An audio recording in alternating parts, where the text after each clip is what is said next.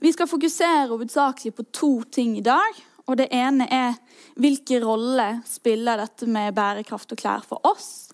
Og det andre er hvorfor er det så vanskelig å gjøre noe med dette her?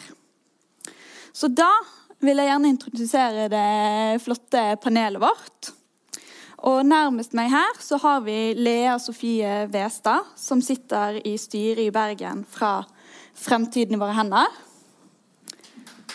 Ja. Vi har også med oss kultur- og motehistoriker, også kjent som estetikeren fra Morgenbladet, Ragnhild Brochmann. Og sist, men ikke minst, så har vi med oss førsteamanuensis i filosofi og foreleser i klima og etikk, Trygve Lavik. Så det første vi skal inn på nå, er rett og slett OK, klesindustrien. Hvorfor skal vi bry oss? Det finnes så utrolig mange tema man kan gå inn på når man snakker om bærekraft. Hvorfor akkurat klær? Så Lea, hva har dette her med klær å si i det store klimaregnskapet? Ja, Sett eh, fra det bærekraftige perspektivet, så er jo eh, klær Det er jo noe vi bruker hver dag. Og, um, og da, er da, er det viktig å være bevisst på både hvordan det produseres, sett med eh, hvor mye utslipp det er, men også under hvilke forhold det er produsert. Um, og det er viktig fordi eh, hvis man ser på utslipp, så er det 8-10% av verdens CO2-utslipp det eh, kommer fra nettopp klesindustrien. Um, og derfor så kan tiltak man gjør med forbruket sitt, være en del av å eh, gjøre endringer da, for en mer bærekraftig verden. Mm. Ja. Uh, du Ragnhild, nå parafraserer jeg deg uh, bitte litt. Uh, men du har jo sagt at de gjenstandene rundt oss, det er ikke bare ting. De er faktisk selve livet. Og at overflaten den forankrer oss både i kulturen og historien, og også i hverandre. Uten det perspektivet så blir det bare forbrukerkultur. Men kan man bry seg om mote og estetikk uten at det bare blir forbrukerkultur, og i så fall hvordan? Det første svaret er jo selvfølgelig ja. Det kan man. Og det andre spørsmålet er jo veldig stort og komplekst eh, og vanskelig. Det er derfor dere har en hel uke til dette. Men jeg tenker at uh, mote og klær er uh, en utrolig god anledning til å se på oss selv og vårt eget forhold til tingene våre og forbrukerkulturen vår. Og det, men det mener jeg at klær er på en måte det som vi alle tar mest for gitt. Det er noe vi, som du sier, Lea, som vi tar på oss hver dag. Det er en del av identiteten vår. Vi tenker mye på det, og vi tenker absolutt ingenting på det. Og Det store paradokset i kulturen vår der vi er nå, er at mote, særlig fra et norsk perspektiv, er en av de kulturfenomenene vi snakker minst om, kan minst om, og har et eh, lavest eh, hva skal man si, felles kunnskapsnivå når vi snakker om akkurat dette fenomenet. Og med det så mener jeg at sant, mens musikk, litteratur, film har en stor felleskultur hvor alle eh, sitter med lang rekke referanser og kan holde en samtale på et veldig høyt kunnskapsnivå. Og vi har masse referanser, både med tanke på historisk linje bakover, egne preferanser, hva foreldre våre likte. Vi kan historien på vår egen måte, og vi regner med at de andre også gjør det. Ikke det samme tilfellet hele tatt. Og Det er fordi at mote har en lang og kompleks historie. og Fra de siste særlig 200 årene så er det også et fenomen som er veldig sterkt koda feminint. Som noe som bare har med det overfladiske, trivielle og det kvinnelige å gjøre. Så det er et kulturfenomen som en gang var faktisk mest drevet av menn. Menn var først motedyktige og står for hoveddelen av det moderne klesskapet og er premissleverandøren for hvorfor det er så sinnssykt spennende og så viktig og en så utrolig sterk driver for den moderne identiteten. Men de siste 200 årene så har det mer og mer blitt koda som noen kvinner. Og dermed som noe pinlig, på en måte, og som noe mindre verdt, og som et kreativt uttrykk, ja, men også noe som er negativt, og som i siste ende har sterke røtter forbundet bare med at det er artig, ja, men også forbrukerkultur og dermed noe negativt. Fordi at det bare trekker oss ned mot denne planløse, banale handlinga det er å skaffe oss noe nytt, og dermed tro at det blir mye. Så jeg tenker at for at vi skal Trenger jeg den? Jeg trenger det nå. Jeg bare bytter den sånn istedenfor. Eh, og det vi og det vi virkelig tror jeg må, må sette oss inn i, sett fra mitt perspektiv, som, som er motkulturhistoriker, det er jo at for at vi virkelig skal ha en god samtale om bærekraft og forbrukerdelen, så må vi jo først anerkjenne at det er kultur. Og hvor ufattelig viktig det er for oss. Og at helt fra slutten av middelalderen, når moten som et moderne fenomen tar form, sammen med handelskapitalismen, og det blir så sinnssykt viktig å vise at man er med i samfunnet. Det blir utgitt motebøker som forteller en eh, middelaldermann at eh, dette er utstyret du trenger. Da er du moteriktig. Da digger folk deg. Da skjønner folk hvem du er. Mm. Fantastisk.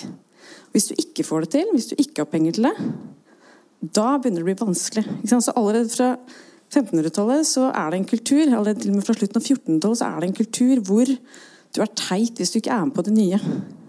Og allerede i dag så lager vi også en kultur hvor det å ha det nyeste betyr at du er ny og spennende. Og dermed er du en driver av det nye og det spennende og samfunnet. Og en viktig premissleverandør. Så Derfor så er det noe med at vi, må skjønne alle disse tingene hvor utrolig tett det er forbundet både med det moderne prosjektet. At vi er bare med hvis vi har det siste og det nye og det mest spennende. Og så må vi skjønne at også på 1800-tallet så kommer det enda en ny vending. Der det ikke bare at klær representerer den statusen du har eller ønsker å ha, den, den stillingen du ønsker å representere. Da blir klærne oss. Det settes et slags likhetstegn mellom det vi har på oss, og de vi er. Og da blir det jo enda mer komplisert, for da er vi jo klærne våre. da? Vi, vi, går rundt i den tro at vi klarer å vise noe fantastisk, noe spennende, noe autentisk. Alle de tingene vi elsker i dag. Flotte oss med. Eh, og når det likhetstegnet er så utrolig tett, at vi er klærne våre, og vi ser hverandre jo, dessverre vil mange mene, nesten aldri uten klær, så er klær hele tiden til stede og hele tiden vevd sammen med identiteten vår. Og Hvis vi ikke skjønner hvor sterkt det har å gjøre med ikke bare hvem vi syns vi er og prøver å være, men også hvor sterkt samfunnet ærer den ekte, autentiske identiteten som vi uttrykker gjennom klærne våre, så blir det også vanskelig eh, å fjerne begjæret vi har etter å være noen. Og på den måten være viktige samfunnsaktører. Er dette noe eh, dere på en måte tar inn over dere i fremtiden våre hender? For Hvis vi skal trekke det på en måte helt ut, så kan man jo kanskje tenke seg at det mest miljøvennlige det vil jo være å gå i eh, klær som, måte, som ikke har hatt noe fargebehandling, som har et eller annet veldig miljøvennlig råstoff osv. osv. Kanskje vi ender opp med å gå rundt i sånne store bomullssekker alle sammen da? Mm. Jeg vil si at det ikke helt er realiteten. For um, ja, vi um, Vi vil jo kanskje strebe etter å, å gå med det, de beste klærne. Men det handler jo også om at vi som forbrukere også har den makten at vi kan uh, sette fokuset på at vi som forbruker vi vil vite mer, sånn at vi kan ta de riktige valgene. Uh, at uh, at det tas initiativer eh, som gjør at vi, at vi kan velge eh, klær som er eh, produsert eh, under gode forhold, eller klær som, har, eh, som er eh, av riktigere materialer, bomullsklær, økologisk produsert, hvis det er det man bryr seg om, eller Og at man da ja, det, det, er ikke bare på oss, da, forbrukerne. Nei. Men eh, det var kanskje ikke helt svar på spørsmålet ditt. eh, eller, ja. Det var et slags eh, svar, men eh, det jeg på en måte lurer på, er eh, Ja, hvorfor skal vi ikke eh, på en måte trekke det helt, litt, helt ute. Du er jo litt inne på det nå. Du sier at litt sånn man tar noen valg, men ikke alle valgene. Men trenger vi ikke å tenke på all den atferden vi har, at vi bør gjøre det mest mulig miljøvennlig? Hvis vi tenker på all atferden vår, så Vi kan ikke tenke på alt vi gjør uten at, uten at jeg skal si at man ikke skal gjøre noe. Men da tror jeg Da tror jeg man kanskje kan ødelegge, litt for seg selv. At man skal tenke altfor mye på å gjøre de riktige valgene. Men man har jo et ansvar å eh, kanskje være litt mer bevisst. da, Ikke kjøpe nye plagg hver måned, men kanskje heller finne plagg man liker, og man føler seg veldig, som har god kvalitet, og som man At man finner sin identitet via klær sånn, da, også. Jeg tenker, det er her den samtalen alltid er veldig vanskelig. for det På den ene siden, så det vil sikkert du snakke mye mer om etterpå, er jo sånn Hva er det vi må gjøre? Jo, det er selvfølgelig eh, å gjøre det mye vanskeligere å skaffe så mange ting. Altså Det må være færre ting. Enkelt og greit. Og vi ja, må bygge en kultur. Ja, vi har jo et overforbruk. Det er jo, det er jo realiteten, egentlig. Ja, ja. Og så er det jo mer hva er mulig Eller hvordan lage en kultur for mindre. Og det er jo på den ene siden et stort industrispørsmål. Og det kan vi mer snakke om etterpå. Eller tenk kanskje du vil komme til det seinere, hva som er på en måte den hva som er en god måte å legge opp eller tenke at det er sannsynlig at man får eh, nådd noen klimamål i tide, og at hele bransjen eh, er et uh, utrolig mye mer sympatisk sted, både med tanke på alle arbeiderne og, og jordkloden. Men, men, tilbake til spørsmålet som du stilte til meg, altså, så tenker jeg at liksom, på den ene siden så, så, kan ikke dette være et hvitt middelklasseproblem hvor det bare er de som er opplyst og elsker å handle brukt og vet akkurat hvilken silkeskjorte de skal ha, som som vinner dette lotteriet, hvor man fortsatt kan ha like mange ting, men kjøpe den brukt, og derfor er man mindre skyldig. Altså, det er klart at det løser absolutt ingenting. Og jeg tenker jo at i samfunnet sånn som det er akkurat nå, så syns jeg nok en gang og Det er derfor jeg er sånn opptatt av det med å snakke om, om kunnskapskulturen bak eh, handlingene våre, uansett hvor, hvordan vi agerer individuelt og som kollektiv. Det er jo nettopp fordi at Sånn som eh, motevinden blåser nå, så er det masse fokus på bærekraft og gjenbruk. Og fra mitt perspektiv, som jo har eh, jobbet med mote og skrevet om mote lenge, så har det jo aldri vært snakket så mye om mote som nå. Men det det snakkes mest om, er jo bærekraft og klima. Veldig lite om hva slags kultur det egentlig er, eller hvem som produserer, eller hva rollen til designeren skal være, eller hva et nytt plagg egentlig er for noe, eller en ny stil egentlig er for noe, på hvilken måte det representerer samfunnet. Og Det er også en veldig interessant del av den debatten her som ofte ikke er med, syns jeg. da, eh, er at Jo mer vi tenker sånn 'Å, jeg skammer meg'. Åh, Gud, jeg, meg, jeg skammer meg. Jeg må ha sånn byttefest. Jeg skammer meg. Det er også med på å flytte fokuset også litt i feil retning, tenker jeg, fordi at eh, ja, det er kjempebra. Mer brukt for all del. Jeg har bare brukte klær sjøl. Jeg har alltid hatt det. Og det er samtidig noe jeg ikke er så opptatt av å flagge jo mer det snakkes om. fordi at eh, det å å være en gjenbruksinfluenser f.eks. er kjempefint, det, men alt i en feed er mer. Alle nye plagg sydd av gamle plagg er mer. Eh, all ny selvmarkering på TikTok eller Instagram eller hvor som helst er også mer av nye ting å mate inn i feeden. Om det er nye sminkeprodukter eller ny kjønnsidentitet eller nye plagg. Det er mer Mm. Med noe med tydelige markører som gjerne er materielle. Mm. Men er ikke det en positiv ting, da? At det blir større fokus på redesign og sy om? Mm. Og... Ja, på den ene siden er det positivt. På den annen side så, så, tenker jeg at det mer og mer fjerner fokuset fra eh, noe som er basisen i klær og kleskultur, nemlig de som lager klærne, altså som tegner dem. Som lager dem. Og store moteaktører f.eks. nå er veldig opptatt av ja, ikke sant. Du har kryptomote. Herregud, det er spennende å se om det er sånn digital genser som passer litt på Instagram. liksom. Eller du kan ha eh, et, noe som heter Klo, som er et helt nytt 3D-designsystem hvor det er lettere å få skreddersøm, og som passer til kroppen din. ikke sant? Det er jo bra, det også. Og mange mener at det blir mye lettere å få en mer bærekraftig bransje hvis folk kan være bestemme sjøl hva de vil ha. Og det tenker jeg, altså sånn Hele den selvbestemmelseslogikken, du som kurator, du som stylist, du som kunnskapshaver, er også en del av et allerede altfor emosjonelt basert og altfor individsorientert samfunn. Altså, det er kjempedeilig at vi ikke lenger har et 50-tall eh, hvor de i år bestemmer hva som er skjørtelengden og hvordan midjen din skal være. Men nå er det også altfor langt inn i det emosjonelle og den personlige fortellingen om hvor spennende du blir med dine spennende vaner, da, inkludert mm. eh, klær. Gamle og, og nye. Så det er jo en sånn det, det, jeg mente med begynnelsen på denne lange tiraden, er jo at selv om det hele tiden er gjenbruk i monitor det er veldig mye flott med det, så er det likevel eh, en kultur som er mer av det samme, og omsøm av det gamle som skal bli det nye. Så logikken er i prinsipp lik. da. Mm.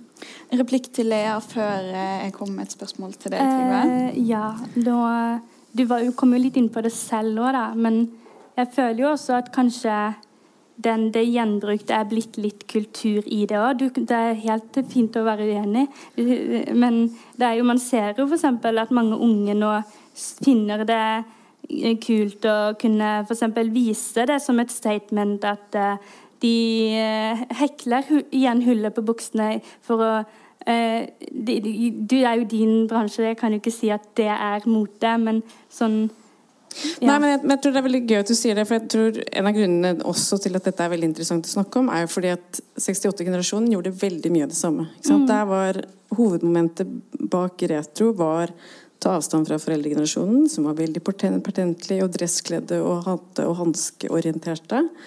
De var veldig opptatt av eh, retrostil, som det for første gang ble kalt da, på mange forskjellige måter. Både med tanke på å gå i gamle 30- og 40-tallsklær Eh, og med tanke på layouten på platecoveret. Whatnot, masse Art Nouveau i alle liksom, syrete 60- og 70-tallsplater. Men så går det jo en stund, og så blir disse 68-erne store deler av det som senere er Silicon Valley-folket. ikke sant? Og så kommer det en ny bølge med masse retro da jeg er kanskje 1920. Og fram til jeg er 30. Og da og dette er ganske interessant, synes jeg, da kommer det en ny, veldig sterk retrobølge og Da gjør jeg en liten oppgave på det mens jeg bor i London. Og da handler det ikke om klimabevissthet eller om å kjøpe mindre. Da handler det bare om autentisitet. Og det er den store oppløperen til hipsterismen. ikke sant? Med de store lumberjack-skjortene og tatoveringene og manne eh, rotknollene på toppen av hodet. ikke sant? Dette er en periode hvor Og da spør jeg mange folk rundt omkring i London i en spørreundersøkelse, og de sier sånn Ja, hvorfor går du med gammelt, da? spør jeg. Nei, for ellers kan du ikke være kul. Å ja, hvorfor ikke det? Nei, for bare at du kan ikke det. For det er det som er in nå. Men du var jo litt inn... Og da er det autentisitet, det ja. å ha det som ikke de andre har. Ja. Og som er trukket ut av massekonsumloopen, mm. som gjør at det er interessant. Så nå Og så gjorde jeg en spørreundersøkelse for 10-13 år siden. Og da var folk litt lei av å handle brukt. Da syntes de det var bedre å handle på Kåss og Monkey og Weekday. Mm -hmm. Fordi at da eh, fikk de nye plagg som på en måte bare hadde noe. Og nå er det inn igjen, og nå er det et annet moment. Og da, nå er det både å være autentisk som det var forrige gang, og forrige gangen for der igjen. Men det er også bærekraft fordi at klimapolitikk ja. ligger i samfunnet. Men du var jo litt inne på dette, og det er jo noe med at klær, altså økonomi og sånn, det spiller jo også en rolle her. Du kom inn på dette her med om dette er litt sånn en slags middelklasseproblemstilling eller middelklasseatferd. Eh, og da vil jeg ta det litt videre til deg, Trygve. fordi er det slik at altså, noen folk har jo åpenbart mer ressurser enn andre. Noen har bedre råd, noen har bedre tid. Eh, og har vi et ansvar som er Er det uavhengig av hvilke ressurser vi besitter? Eh, eller er det Spiller det noen rolle hvilken bakgrunn vi har? Om vi skal på en måte sitte og investere oss i i uh... Og med mye penger, tenker du på? det? Ja, for eksempel. Ja, uh, jeg har egentlig lyst til å si litt om mot, jeg kaller det mote, altså, faktisk. Uh, se, se hvordan jeg er kledd. Så jeg er veldig på. Men uh, altså, jeg bare lyst til å si én ting om det. For, for det du snakker om at, at, på et visst tall For 10-15 år siden så var vel mote liksom, å gå på loppemarked og hoppe i containere og lage en egen syntese av liksom, loppemarkedgjenstander og, og litt designmøbler. Sånn syntese, det er sånn et sånn identitetsprosjekt. da, ikke sant? Og, og det, det, var også litt tilfeldig litt bærekraftig, i og med at folk er på loppemarkedet. Sånn. Uh, men som du sier, så er det sånn, kanskje problemet med moten at det hele tiden må endre seg for at mote dreier seg tilslutning og samtidig atskillelse. Hvis det blir for mange inne i moterommet, så blir det ukult, og da må man finne på noe nytt. Plutselig er ikke det bærekraftig lenger, så moten er kanskje ikke uh, jeg er, helt enig med Jeg syns mote er kjempeinteressant. Uh, en kollega av meg på Universitetet i Bergen har sett en bok om moten. For det er veldig interessant hvordan det sier oss, oss, oss, oss, mennesker som, som overflater, da, som er like interessant som, som, som, som det såkalte dype. Uh, mye ja, veldig interessant, syns, jeg. Ja, ja, da. Så jeg er enig med deg der. Men kanskje sånn når det gjelder sånn uh, endringer uh, som må til, så tror jeg kanskje moten blir litt for flyktig i den forstand at den hele tiden må endre seg. For å opprettholde dette, denne eh, institusjonen, at det må ha tilslutning versus uh, atskillelse. Det er typisk at Motorsykkelklubber er samme klær nesten nå som de hadde på 60-tallet. For at de stikker seg ikke ut opp, de stikker seg til siden. og Derfor trenger de ikke skifte klær hele tiden. Uh, så, så, det er et interessant ting. Men, men altså, hvis det er sånn andre, andre holdningsendringer, da, sånn som f.eks. at uh, liksom helt greit med homofil, homofili og sånn, det er ikke det mote lenger. Plutselig er jeg lei av det. Nei, nå er jeg mot homo, liksom. Det så det er, sånn, hvis du skjønner poenget at vi endrer, Det er noen andre type endringer. da. Altså At vi ikke, ikke, ikke syns det er greit å ha slaver lenger. Eksempel, det er ikke mote, det er holdningsendringer. Så vi må skille litt mellom måte, eh, at vi, vi, vi som vokser som verdimessig, eller at vi endrer grunnleggende verdier, og at vi endrer moter. Det er to ulike fenomener. da. Mm -hmm. Men det, det, ene er sosialt, eller mer sånn sosiologi. Eh, hvordan vi konstitueres som individ og kultur, kultur, og sånn. Og det andre dreier seg kanskje mer om ja, eh, holdninger eller, eller, moralske normer som endrer seg. Mm um, uh, men det, det, kan hende at det henger noe sammen også, som jeg kanskje kunne si litt seinere, med med en viss uh, retning i etikken, dydsetikk. Um, men, men, men, det spørsmålet ditt jeg glemte litt ut hva det var for noe, var et eller annet om vi rike skal betale mer? Eller? Det er om eh, den moralske plikten vi har når det gjelder å forholde oss til dette. Om den, er, på en måte, om den gjelder ja, alle? Det, det, er, det, er, det er klart at det er, altså en ting Stockholm Environment Institute de har laget sånne beregninger eh, om, om liksom, hvordan fordele byrder med klima. Og de har vel en sånn fattigdomsgrense på 20 dollar dagen, tror jeg. Eh, så, så det er klart, Hvis du tjener under 20 dollar dagen, så, så har du ikke noen moralsk plikt til å gjøre noe i det hele tatt. Uh, blant annet. Men, så, men, det er jo to prinsipper som har vært gjeldende i sånn internasjonal klimaforhandling alltid. Det ene er jo da på en måte uh, uh, ansvar for problemet. Altså ansvars, ansvar, altså pull to pace, eller ansvaret for, for klimaproblemet. Det andre er evnen til å betale eller kapasitet. da. Og de to prinsippene. Så er at Én uh, ting er at du er ansvarlig for at uh, ting har gått dårlig. Du betaler for det. Og det andre er kapasitet, at du er rik. Og du kan være, være, rik bare fordi du har vært kjempeflink og tjent masse penger, og likevel må du betale. ikke sant? Det, det er sånn vi har i skattesystemet også. At rikinger må betale skatt bare fordi de har, som høyrefolk liker å si, har brede skuldre. ikke høyrefolk har så brede skuldre, men også de rike i hvert fall, de må betale litt bare fordi de er rike. Ja. så, så, så det er jo også et poeng at 10% av klimagassutslippene kommer fra rikinger. Nei, altså, jeg mener ikke 10% av de rikeste står for halvparten av utslippene. Uh, så klart at uh, Vi fordømmer oss selv ganske mye for at vi er så slemme og, og, og holder med klimaproblemet. Men det er klart at det er jo noen rikinger som, som, kunne, som, som står for mye mer enn det vi gjør. da. Uh, men det med moralsk plikt og sånn, det kan vi eventuelt komme tilbake til. altså mm. om, om, det er mulig å begrunne i filosofien at vi har en moralsk plikt til å gjøre noe som enkeltindivider. Det er et annet spørsmål. Mm. Det er, dessverre så kan ikke filosofien si noe selv, selv klart om det spørsmålet. For det, det er produsert uh, en million artikler om det, faktisk. Uh, hvis du klarer å bevise at, ut fra filosofisk teori at vi har en virkelig plikt til å gjøre noe som individer, så, så vil du på en måte få jobb måte på, i Cambridge. Altså. Så, så, det, ja. så, så det, det, er vanskelig. Mm. Ragnhild? Ja. Nei, altså, vi må jo bare gjøre det veldig mye lettere å gjøre gode valg, og veldig mye vanskeligere å gjøre dårlige. Jeg tenker sånn at noe som er Jeg tenkte på det i dag når jeg sto opp og gikk til frokostbuffeen på hotellet mitt. Eh, at eh, altså, hvem av, hvem av, dere som sitter her, liksom, kan med hånda på hjertet si at man går til en stor frokostbuffé og velger akkurat passe mye og bare det man vil ha? Og ikke lesse på ørlite grann for mye bacon og en liten sossis man aldri har spist og kommer til å spise heller. Og ta litt for mye liksom, søt piole, for har man jo ikke hjemme, så det er så gøy. ikke sant? Og litt sånn er det jo vi møter uh, Særlig kanskje det å handle klær, men også alle andre ting. Da, ikke sant? At, altså, hvem er det som har en innebygd vidunderlig begrensende motor når samfunnet har gjort det så fantastisk lett å stå i en overflod og ha overskuddsproblemer som gir oss stress og utslett i møte med disse små pølsene og alle disse klærne på Hennes Maurits. på en måte, Men det er bare, ikke sant, samfunnet er altfor emosjonelt det er altfor emosjonelt styrt. og jeg må si sånn for min egen del og til og med jeg som handler brukt kan liksom flotte meg med god samvittighet på mange ting, så er det jo likevel en sånn Eh, det må være regler som gjør at kvalitet må være til stede i alle leddene. I alt fra hvordan ting produseres, til hvordan utslippene er, til kvaliteten, ikke minst på plaggene, og selvfølgelig også lønn til alle arbeidere.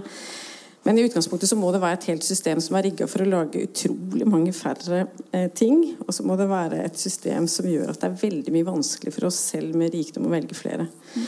Og det her er ikke et veldig godt forslag, altså, men jeg må si at jeg det siste har tenkt sånn Vi skulle ikke bare fått et rasjoneringssystem, da? Liksom rasjoneringskort, og så gjør vi et sånt pilotprosjekt sammen med Nederland eller et annet liksom progressivt mm.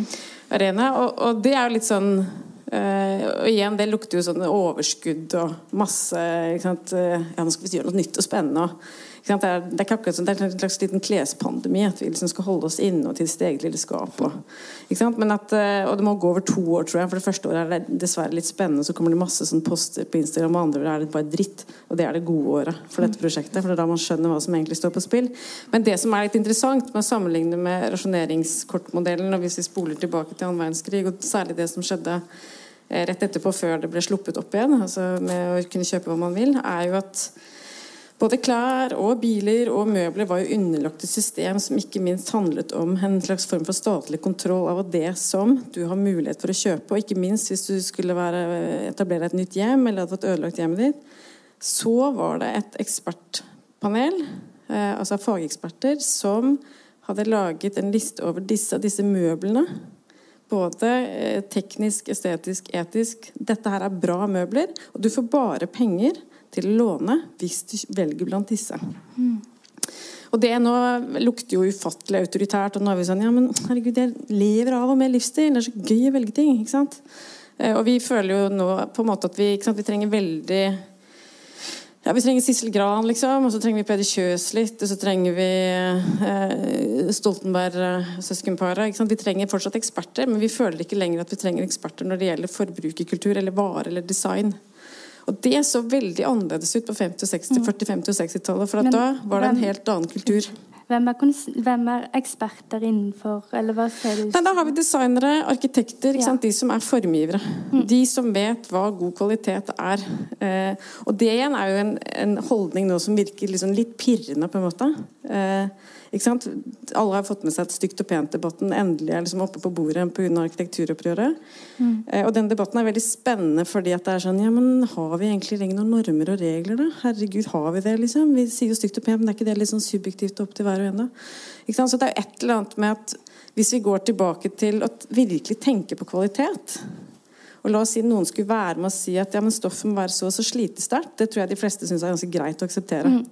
Eh, og at plagget må være produsert sånn at det kan demonteres etter en viss eh, mal, som gjør at det er lett å, eh, å, å gjenbruke det, eller mm. å, de, å, kompostere det sånn at det er bra for, eller bra for kloden. Ja. Lea? I, I, Frankrike så har jo de kommet litt lenger på, oss, på akkurat det du sier med eh, levetidsmarkering, f.eks. Der, ønsker, der ønsker de at produsenter merker hvor, hvor lenge klærne varer, og Eh, med hvilke produkter eller hvilke tekstiler det er laget. Da. Så eh, det viser jo at eh, hvis de får det til, så kanskje vi også kan få til tilsvarende. Da. Men der er det en annen veldig interessant ting. Da. og det tenker jeg sånn der, ikke sant? Rekk opp hånda alle her som leser merkelappen nøye før de kjøper et plagg. Ikke sant? For det er jo under halvparten.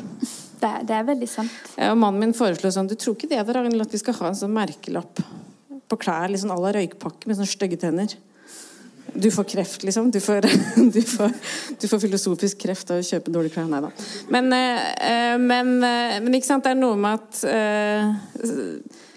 vi leser ikke lenger merkelappene. Og en av grunnene til at vi ikke gjør det, bare for igjen hvorfor den der bakenforliggende forståelsen er så viktig for hvorfor vi oppfører oss som vi gjør, er jo for det første at bare innen min levetid, snart 40 år, så har klær gått fra å være noe som man faktisk ønsker seg å spare penger til, eh, og som er mm. veldig dyrt. Eh, jeg husker liksom hvor lenge jeg sparte Dr. Martens-skoene mine. Svarte og hvite som Capone-sko. Som faktisk er for store i dag, utrolig nok. Eh, for Da var jeg veldig opptatt av å kjøpe ting som jeg skulle vokse i. Og så vokste jeg ikke noe mer. og så ble det slutt på det. Men i hvert fall, da var sant, det å, å, få noe moteriktig Det kom nesten bare fra Hennes Maurits. Og siden så har det blitt et stort paradigme hvor fast fashion gjør at til og med Cubus har helt ålreit moteriktige ting. Sant? Så det, det, dette har skjedd helt ufattelig fort. Og det må vi bare huske på også. At det er, ikke, det er nesten ikke rart at vi fortsatt syns det er gøy å gå på Cubus og finne et eller annet som er ålreit. fordi bare for 10-12-15 år siden så var det faktisk ikke sånn i det hele tatt. Og da var det også veldig mye mindre hipt eh, å gå i en kjedebutikk hvis den ikke var svensk, da selvfølgelig. Men, men, liksom, det vi må huske på også, eh, også med dette her, det er jo at vi er ikke lenger opptatt av kvalitet. og Det er ganske lenge siden vi sluttet å være det. Fordi at det vi er mest opptatt av i moteverdenen nå, er styling, merker og flagge kunnskap om hvilke merker som er inn. Så Balenciaga i gamle dager, da Cristobal var sjefen, var en fantastisk skulpturert kjole av et gitt fantastisk stoff med noen eh, særegne egenskaper. Og selvfølgelig bakt inn i en tid hvor eh, man hyllet den nye silhuetten som det motet var, og det nye diktatet. Og Derfor ble det også motet rapportert om på en helt annen måte, for her er det nye. Dette har fantastisk har skjedd. Dette er silhuetten. Og sånn er det ikke lenger nå. Nå er Balenciaga eh, to store, klumpete joggesko og Balenciaga en slags sånn banal helvetikaskrift. Det kunne stått Oslo kommune, liksom. Balenciaga sånn eh, over en helt alminnelig T-skjorte, antageligvis laget i bomull, ikke sikkert økologisk engang. Så det er et eller annet, Vi må på en måte skjønne at vår idé om mote, og som lenge har føltes veldig forfriskende, er at det kommer ikke et diktat fra oven. Det er like gjerne det du og jeg har på meg, og min evne til å være kurator og stylist i, i garderoben min, i det kule hjemmet mitt, i måten jeg henger opp bildene mine fritt og irrasjonelt på veggen bak kjøkkenbordet mitt på, det er det moteriktige, og ikke lenger et fantastisk plagg laget av fantastiske skreddere med en fantastisk fingerspissforståelse og en følelse av hva faget egentlig er for noe. Ikke sant? Så Ideen om håndverk tror jeg er noe vi elsker å pynte oss med. og jeg, si at jeg har begynt med litt leire, og jeg baker brød og gryte og jeg gjør, liksom, jeg gjør masse ting. Jeg tar, syr knapper og legger opp buksa mi sjøl og sånn.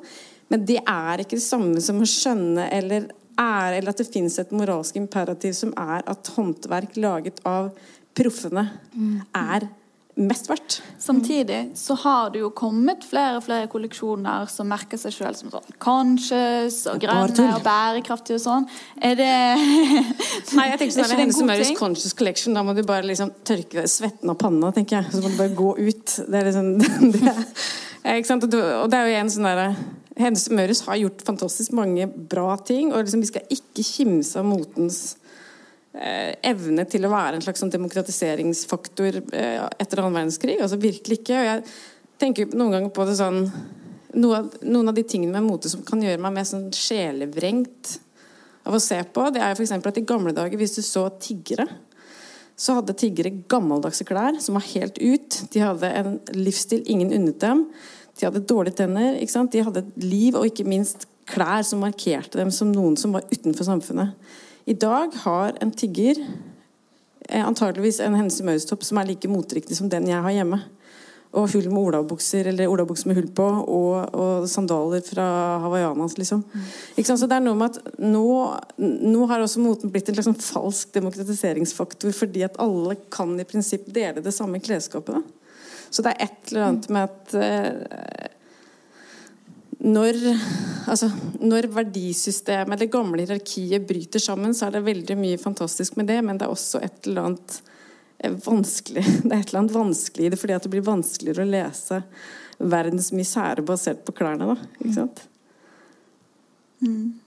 Mens hjemmene våre og bilene våre og alt det andre er noe helt annet. Og økonomien i bunnen er noe helt annet. Ja, for du har jo vært litt uh, inn på det tidligere. Du sa det at klær det er et slags sånn feminint domene og sånn.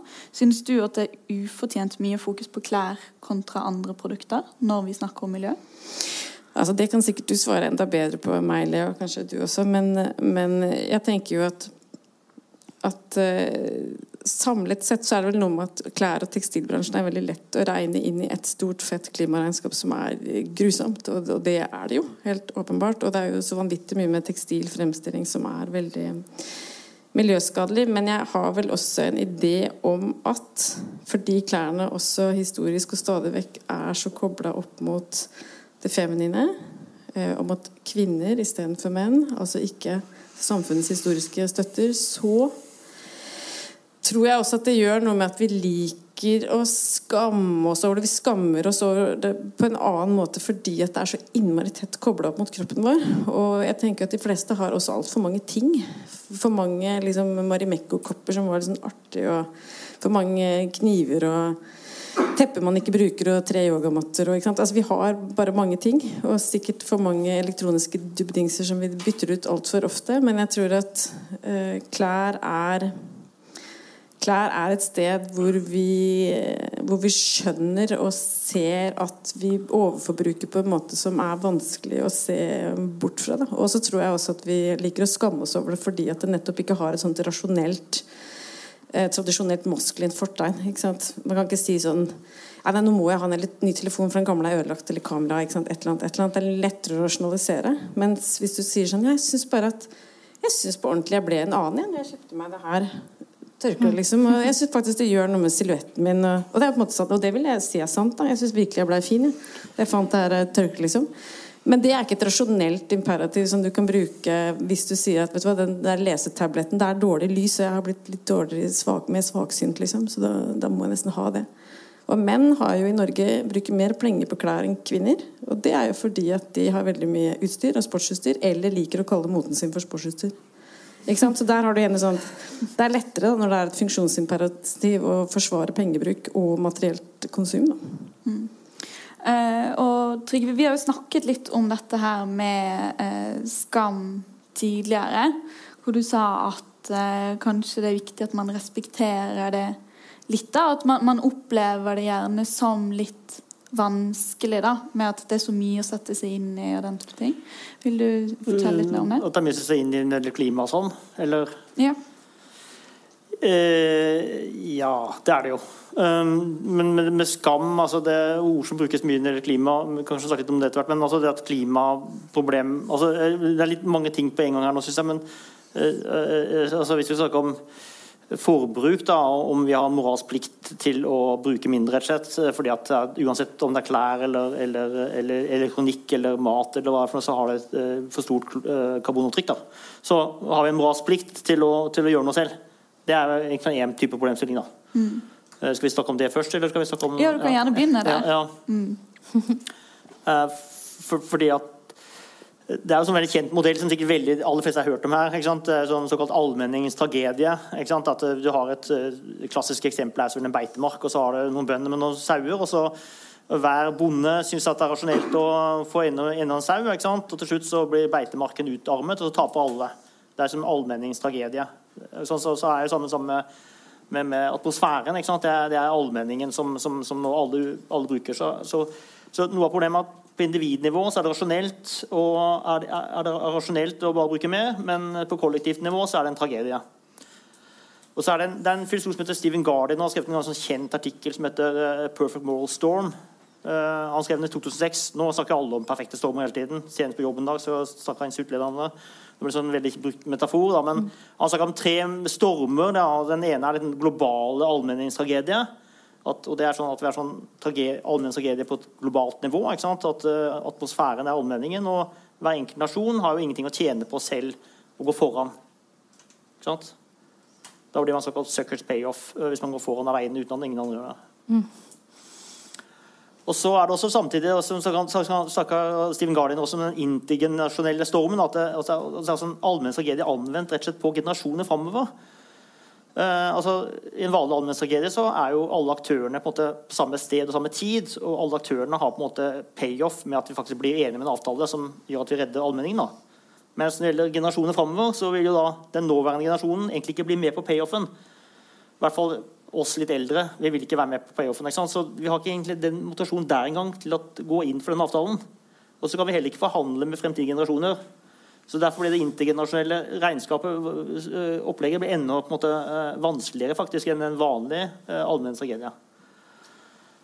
Og Det tredje han snakker om, er jo da det han kaller kanskje litt, litt sånn overdrevet sånn teoretiske stormen. altså Jeg har vanskelig å se for meg sånn på papiret som en storm, men han snakker litt om det da, at det, det, som, at det finnes egentlig ikke noen gode spesielt innenfor økonomi, da, gode teorier som, som kan hjelpe oss. Det, gå for mye inn på det, men bl.a. for ca. 15 år siden så var det jo en engelsk uh, økonom som heter Nicholas Stern som lagde Stern-rapporten på, på, oppdrag fra, fra, Tony Blair for å beregne hvor dyrt er det å fikse klimaproblemet. Uh, og da Økonomer de beregner jo ut ifra sånn såkalt uh, av nytte og Da må vi også beregne hva ting er verdt om 100 år ca. Og da har de såkalt, uh, bruker de noe som heter sånn nåverdi. da. Hva er nåverdien er 100 millioner om, om 100 år? Og han, Nicholas Stern regnet ut at det var ca. 250 millioner i dag. Det er ganske mye, en ganske høy nåverdi faktisk, av 100 millioner om, om 100 år. Men så kommer en amerikaner som heter Nordhaug og sa nei, nei, det er altfor alt for optimistisk. 100 millioner om 100 år har egentlig bare vært 2,5 millioner i år. 2,5 millioner nå. Så det betyr at veldig mange av de tingene som Nicholas Stern mente var lønnsomt, mente William Nordhaus, også som økonom, han har fått nobelprisen for øvrig, er ikke lønnsomt. Sånn at Noe av poenget til, til han, uh, Steven Gardiner er at okay, du har både den globale uh, problemet, og så har du det intergenerasjonale problemet, og så har du også liksom, teoretisk uh, kaos. Så når de tre tingene kommer sammen, så blir det veldig vanskelig for oss å orientere oss. Mm. Og Da mener han at da får vi såkalt moralsk korrupsjon. Da, bruker han et ord. At vi, eh, da, da, er det lett måte, å, å, å, Egentlig det vi gjør, er å, overflytte problemet til den andre, men da blir det lettere for oss å, komme oss unna. da. Både med, med hykleri og urimelig tvil, sånn som for klimafornektelse og den type ting.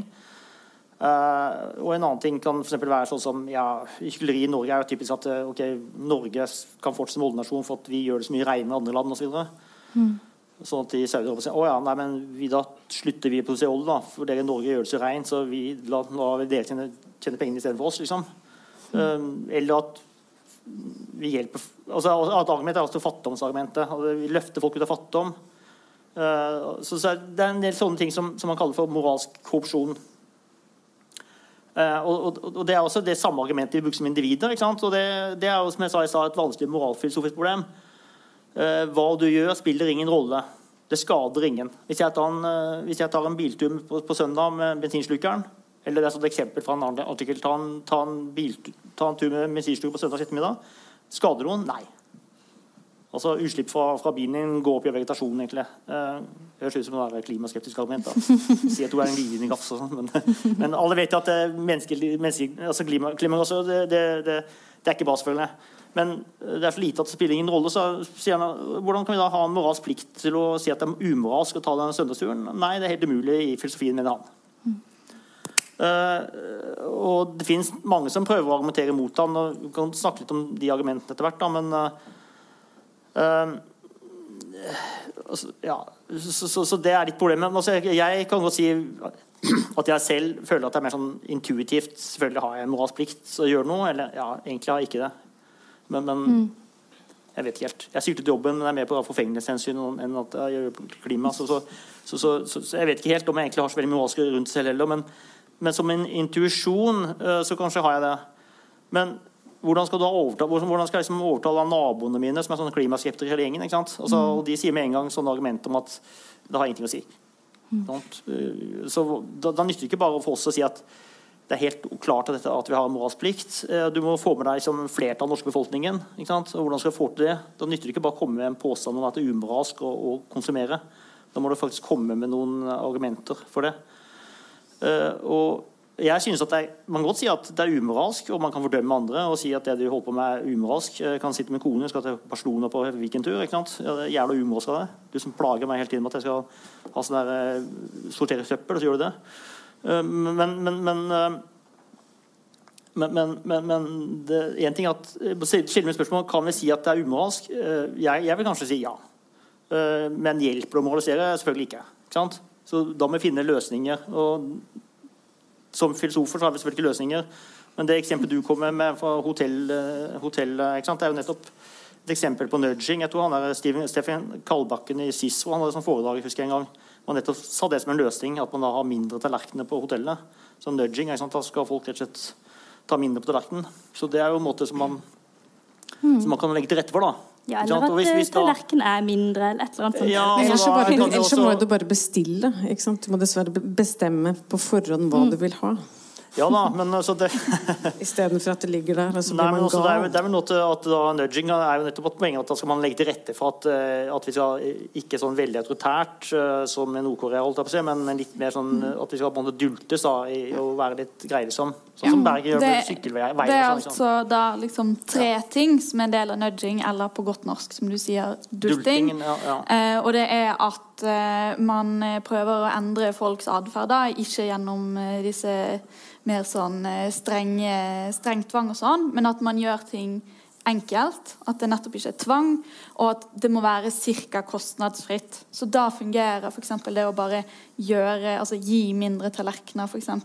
Det er noe som eh, kan endre Det kan gi et insentiv til at folk skal endre sitt atferd, også mer eh, ubevisst.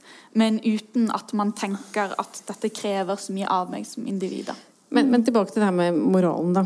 Eh, La oss snakke litt mer om det. Altså, jeg tenker jo sånn eh, Så det er ikke et godt moralsk argument at, at eh, verden går til helvete, da, på en måte. Det er liksom ikke med i Altså, jeg, jeg har ingen problemer med å, å, altså, å, si, å tro på det du sier, men jeg bare tenker sånn Naturens gang i dette, eller hvordan, hvordan tenker du som filosof eh, natur opp mot eh, Eller vår felles bopel som forpliktelse opp mot den enkelte, da? Ja, du mener eh, eh, Altså, mener jeg at vi har for, La oss si det typiske argumentet er noe sånn som at eh, punkt én, eh, det du gjør, skader jo ingenting. Så en veldig moralsk et typisk moralfilosofisk poeng er at eh, du skal handle slik at du ikke skader andre mennesker, og dette skader ingen, så da har du ingen moralsk plikt. Eh, veldig banalt. Men ja, eh, og, så er spørsmålet eh, Går det an å begrunne, går det an å begrunne en moralsk plikt på en annen måte? Eh, Sånn som jeg ser det, eh, så finnes det egentlig kun én retning i filosofien som eventuelt kan komme med et bidrag. da. Ja, at det råker jo mange mennesker, da, åpenbart. Nei, ja, egentlig ikke. Ikke, bare vi, ikke det du gjør som individ. Det er det vi gjør som kollektiv. Det, er, det kalles det kollektiv Ok, Okay, så, så du, Ja, ja. du lager et skarpt skille mellom individ og kollektiv, rett og slett? Uh, ja, det kalles jo gjerne det kollektive handlingsproblemet. Så, så det er jo sånn Ja. Det, det nettopp- ja, ok. Så det er en sånn lang diskusjon om, om det kollektive handlingsproblemet. Den tar vi på bakrommet etterpå. Ja. Men, men eh, jeg bare tenker at eh, altså, mange tror kanskje at imamer kan, som noen av dere har hørt, da, altså sinnelagsetikeren, eh, der, der konsekvensetikken måte ikke har noe svar, for det er konsekvensetikken kan ikke svare på det. Da må liksom kan skinne med psykiatrisk imperativ. Men også det går litt skeis, faktisk. For det er veldig vanskelig å bevise at det å ta en tur med bensinslukeren er å behandle et annet menneske som et, kun et middel ikke mål seg selv, blant annet, som er Kants pliktetiske norm. da. Men jeg tror kanskje at en retning kan eventuelt være dydsetikk. da. Altså Dydsetikken er- dreier seg om hvem ønsker å være som person. Mm. Det er personorientert, karakterbasert. altså Du ønsker å være en, en mann av ære eller en kvinne av ære, for den saks skyld. Uh, ikke sant? Uh, uh, la oss bare ta et veldig enkelt eksempel. Hvis du tenker at eh, det Hvordan skal man slå opp med kjæresten sin? Hvis man er en konsekvensetiker, kan man godt si at det beste er egentlig bare å sende en SMS. Det er behagelig for deg selv, da får du mindre smerte selv. Og så er det behagelig for den andre parten også, for da kan hun eller han si at eh, for en feiging dust, jeg er bare glad jeg ble kvitt den. Ikke sant? Så da kan man si at konsekvensetisk er det best å slå på SMS. Men hvis man er da dydsetiker, så er det sånn at du hvem du vil være. ikke sant? Ja, du vil være en mann eller en kvinne eller en person med mot. ikke sant? Så det har noe å si om hvem du ønsker å være. Så øh, kanskje hvis man da ok, Hvorfor skal jeg slutte å fly? Hvorfor skal jeg på en måte sykle? Hvorfor skal jeg på en måte kjøpe mindre klær Og så videre. Hvis du skal begrunne det overfor deg selv, da, så må det kan være mer sånn rett og slett dydsetisk. da. Det er veldig da- vanskelig, da. Da er vi tilbake til et alt liksom individualistiske Ja. drittsamfunn nå, på en måte. Ja, men klart at alle mener jo at uh, dette dreier seg kun om spørsmål om hva du skal gjøre som individ. Altså klart Løsningen det mener de aller fleste ligger jo i det politiske. ikke sant?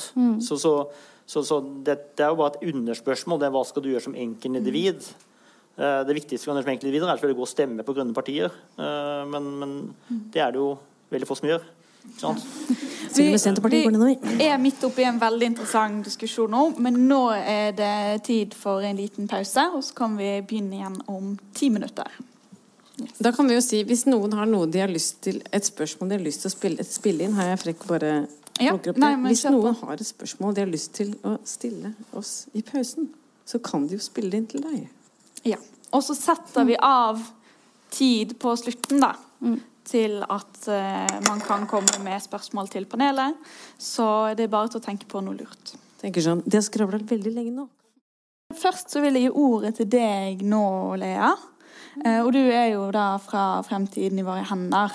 Så du jobber jo med dette temaet da, som frivillig. Og det jeg lurer på, er eh, både eh, Opplever du at dette er noe folk engasjerer seg i?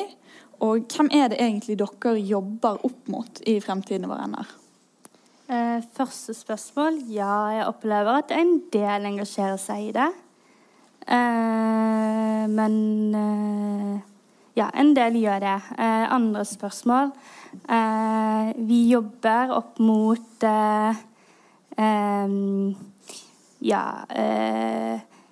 næringsliv og, og mot politiske beslutninger. Vi har f.eks. nylig fått på plass eh, åp, eller fra, med samarbeid med, med, andre organisasjoner òg, åpenhetsloven, som skal sørge for at eh, produ, produsentene, eller de store eh, merkene der, som Helse Maurits, Cubus, Levis, eh, har visse standarder da, på sine fabrikker. Både for de som jobber der, Eh, og at det er eh, man kan måte, At man kan spore produksjonen fra, ulike nivåer, da. Og det hjelper det å ta det på det nivået gjør jo Det er jo viktig for Det er jo ikke bare vi forbrukere som har et ansvar her.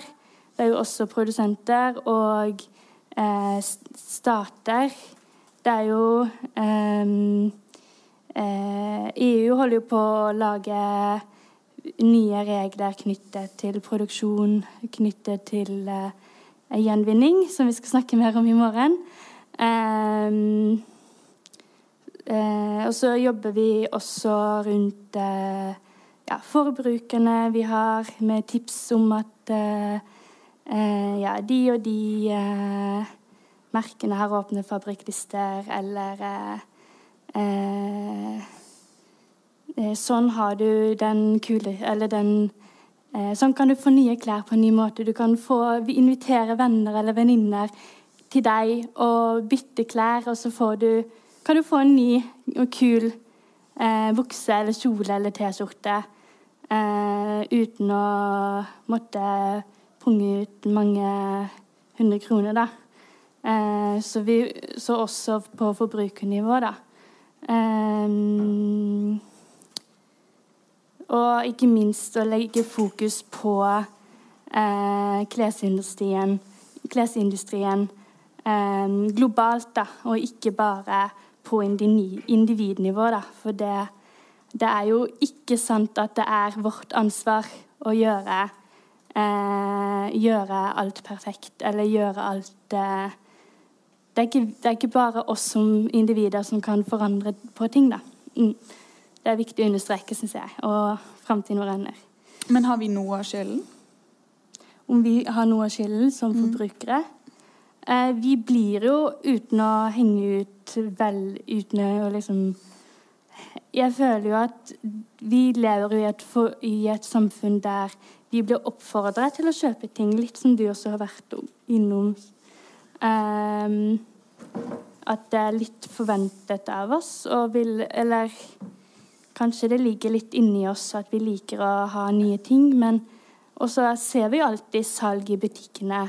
Det er jo et sånt veldig kjøpepress på mange mulige måter. Eh, og om det er vår feil at vi biter på det, det vet ikke jeg om jeg tør å si. Men ja Vi, eh, det, vi har delvis skyld i det, men det er ikke vår skyld, syns jeg. da. Mm. mm. Og så altså, alt dette her med Som du sier, at man kan jo heller f.eks. ha klesbyttekvelder eller den type ting. Uh, ja, man kan jo ikke si at det er mer miljøvennlig heller enn å gå ut og kjøpe noe nytt. Men er ikke man bare en del av det samme systemet da, egentlig? Hvor man skal Altså, kan jeg ikke gå i det samme hele tiden, da? på en måte? Eller blir ikke dette bare enda en slags forbrukerkultur som er pakket litt om? Jo, det er et godt spørsmål. Mm. Jo, altså, vi har jo Altså, jeg hører den er, det, er den på nå? Ja, den er det. Tenker at jeg snakker så høyt uansett, så det er samme med uten mikrofon.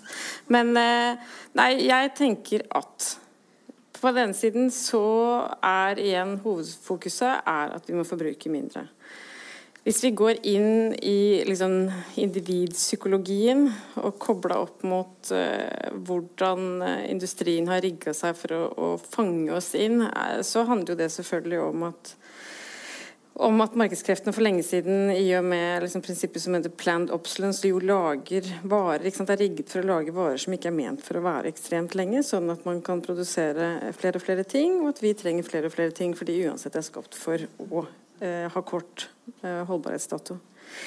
Eh, og det er ting vi på den ene siden mange av oss tror jeg vet ganske godt, og på den annen side så er det noe vi hele tiden må bli minnet om, og at eh, Kappal har reklamekampanjer hvor uh, man sier at man får en mer bærekraftig verden av å kjøpe badedrakter laget av gamle resirkulerte plastflasker, er ikke måten å mm.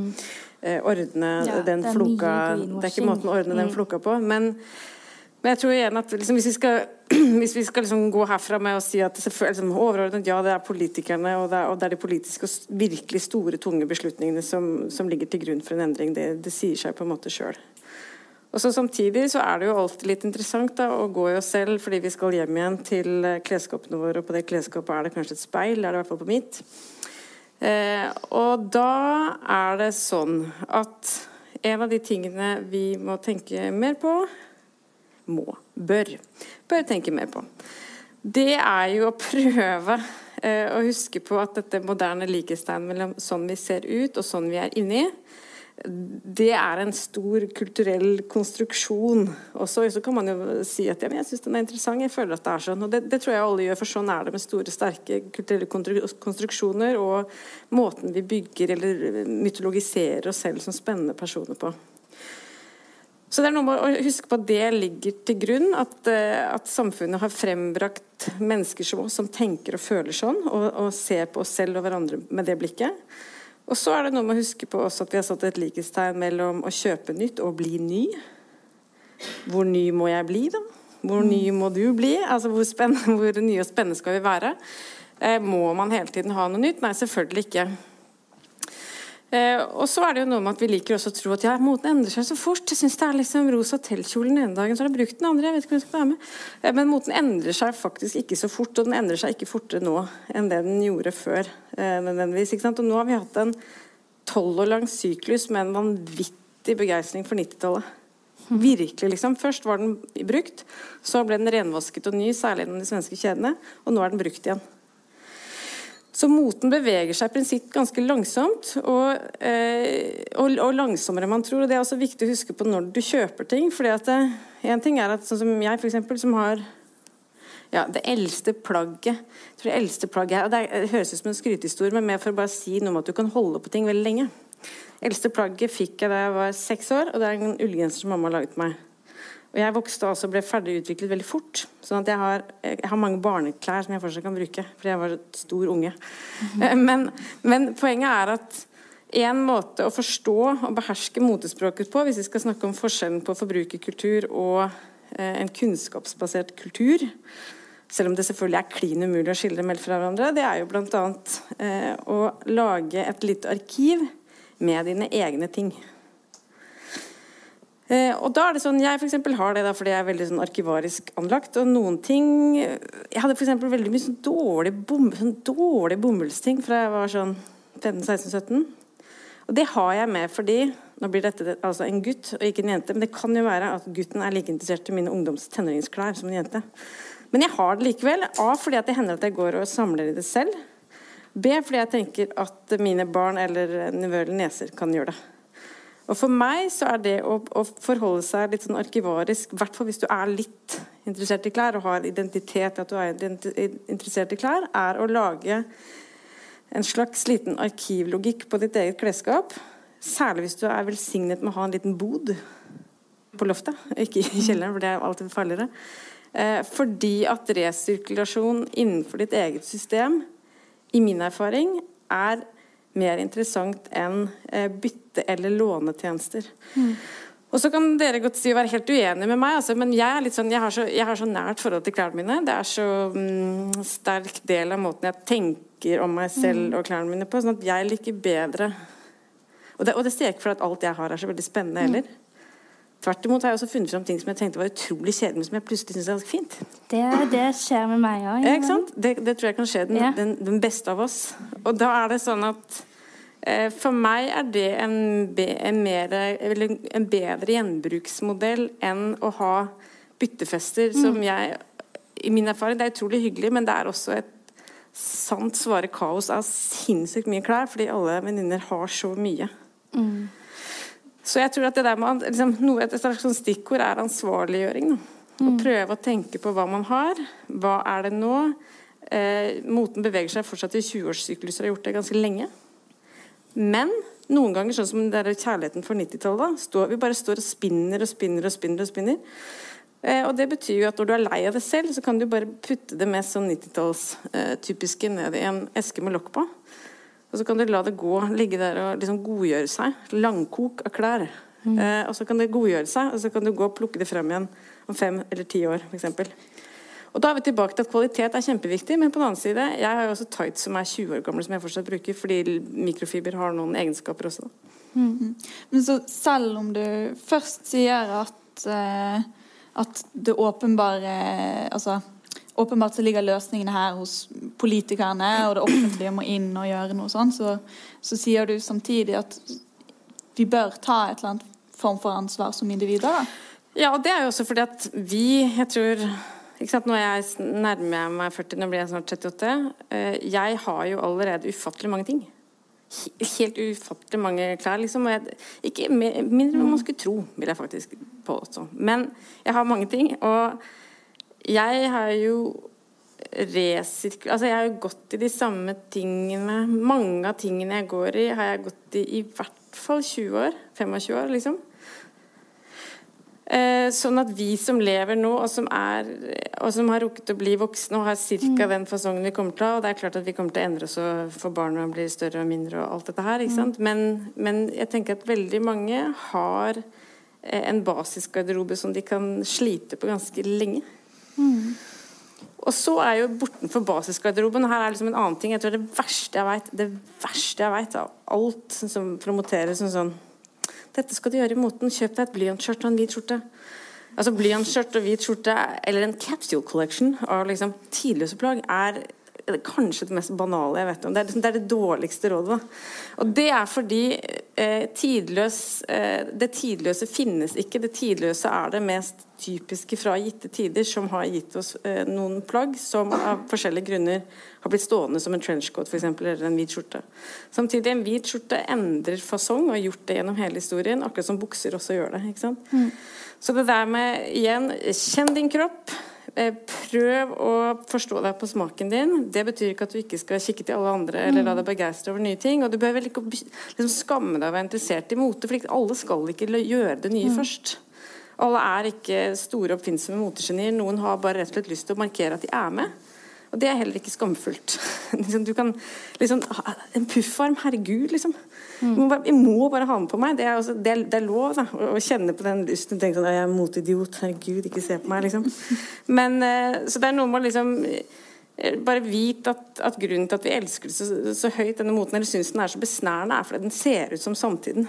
Og de som er kulest, har nå alltid vært kulest, uansett om de er skrive kule ting eller eh, se bra ut eller røyke på en spesielt kul måte. Liksom. De kule har nå alltid vært kulest, og de er det på, på en måte.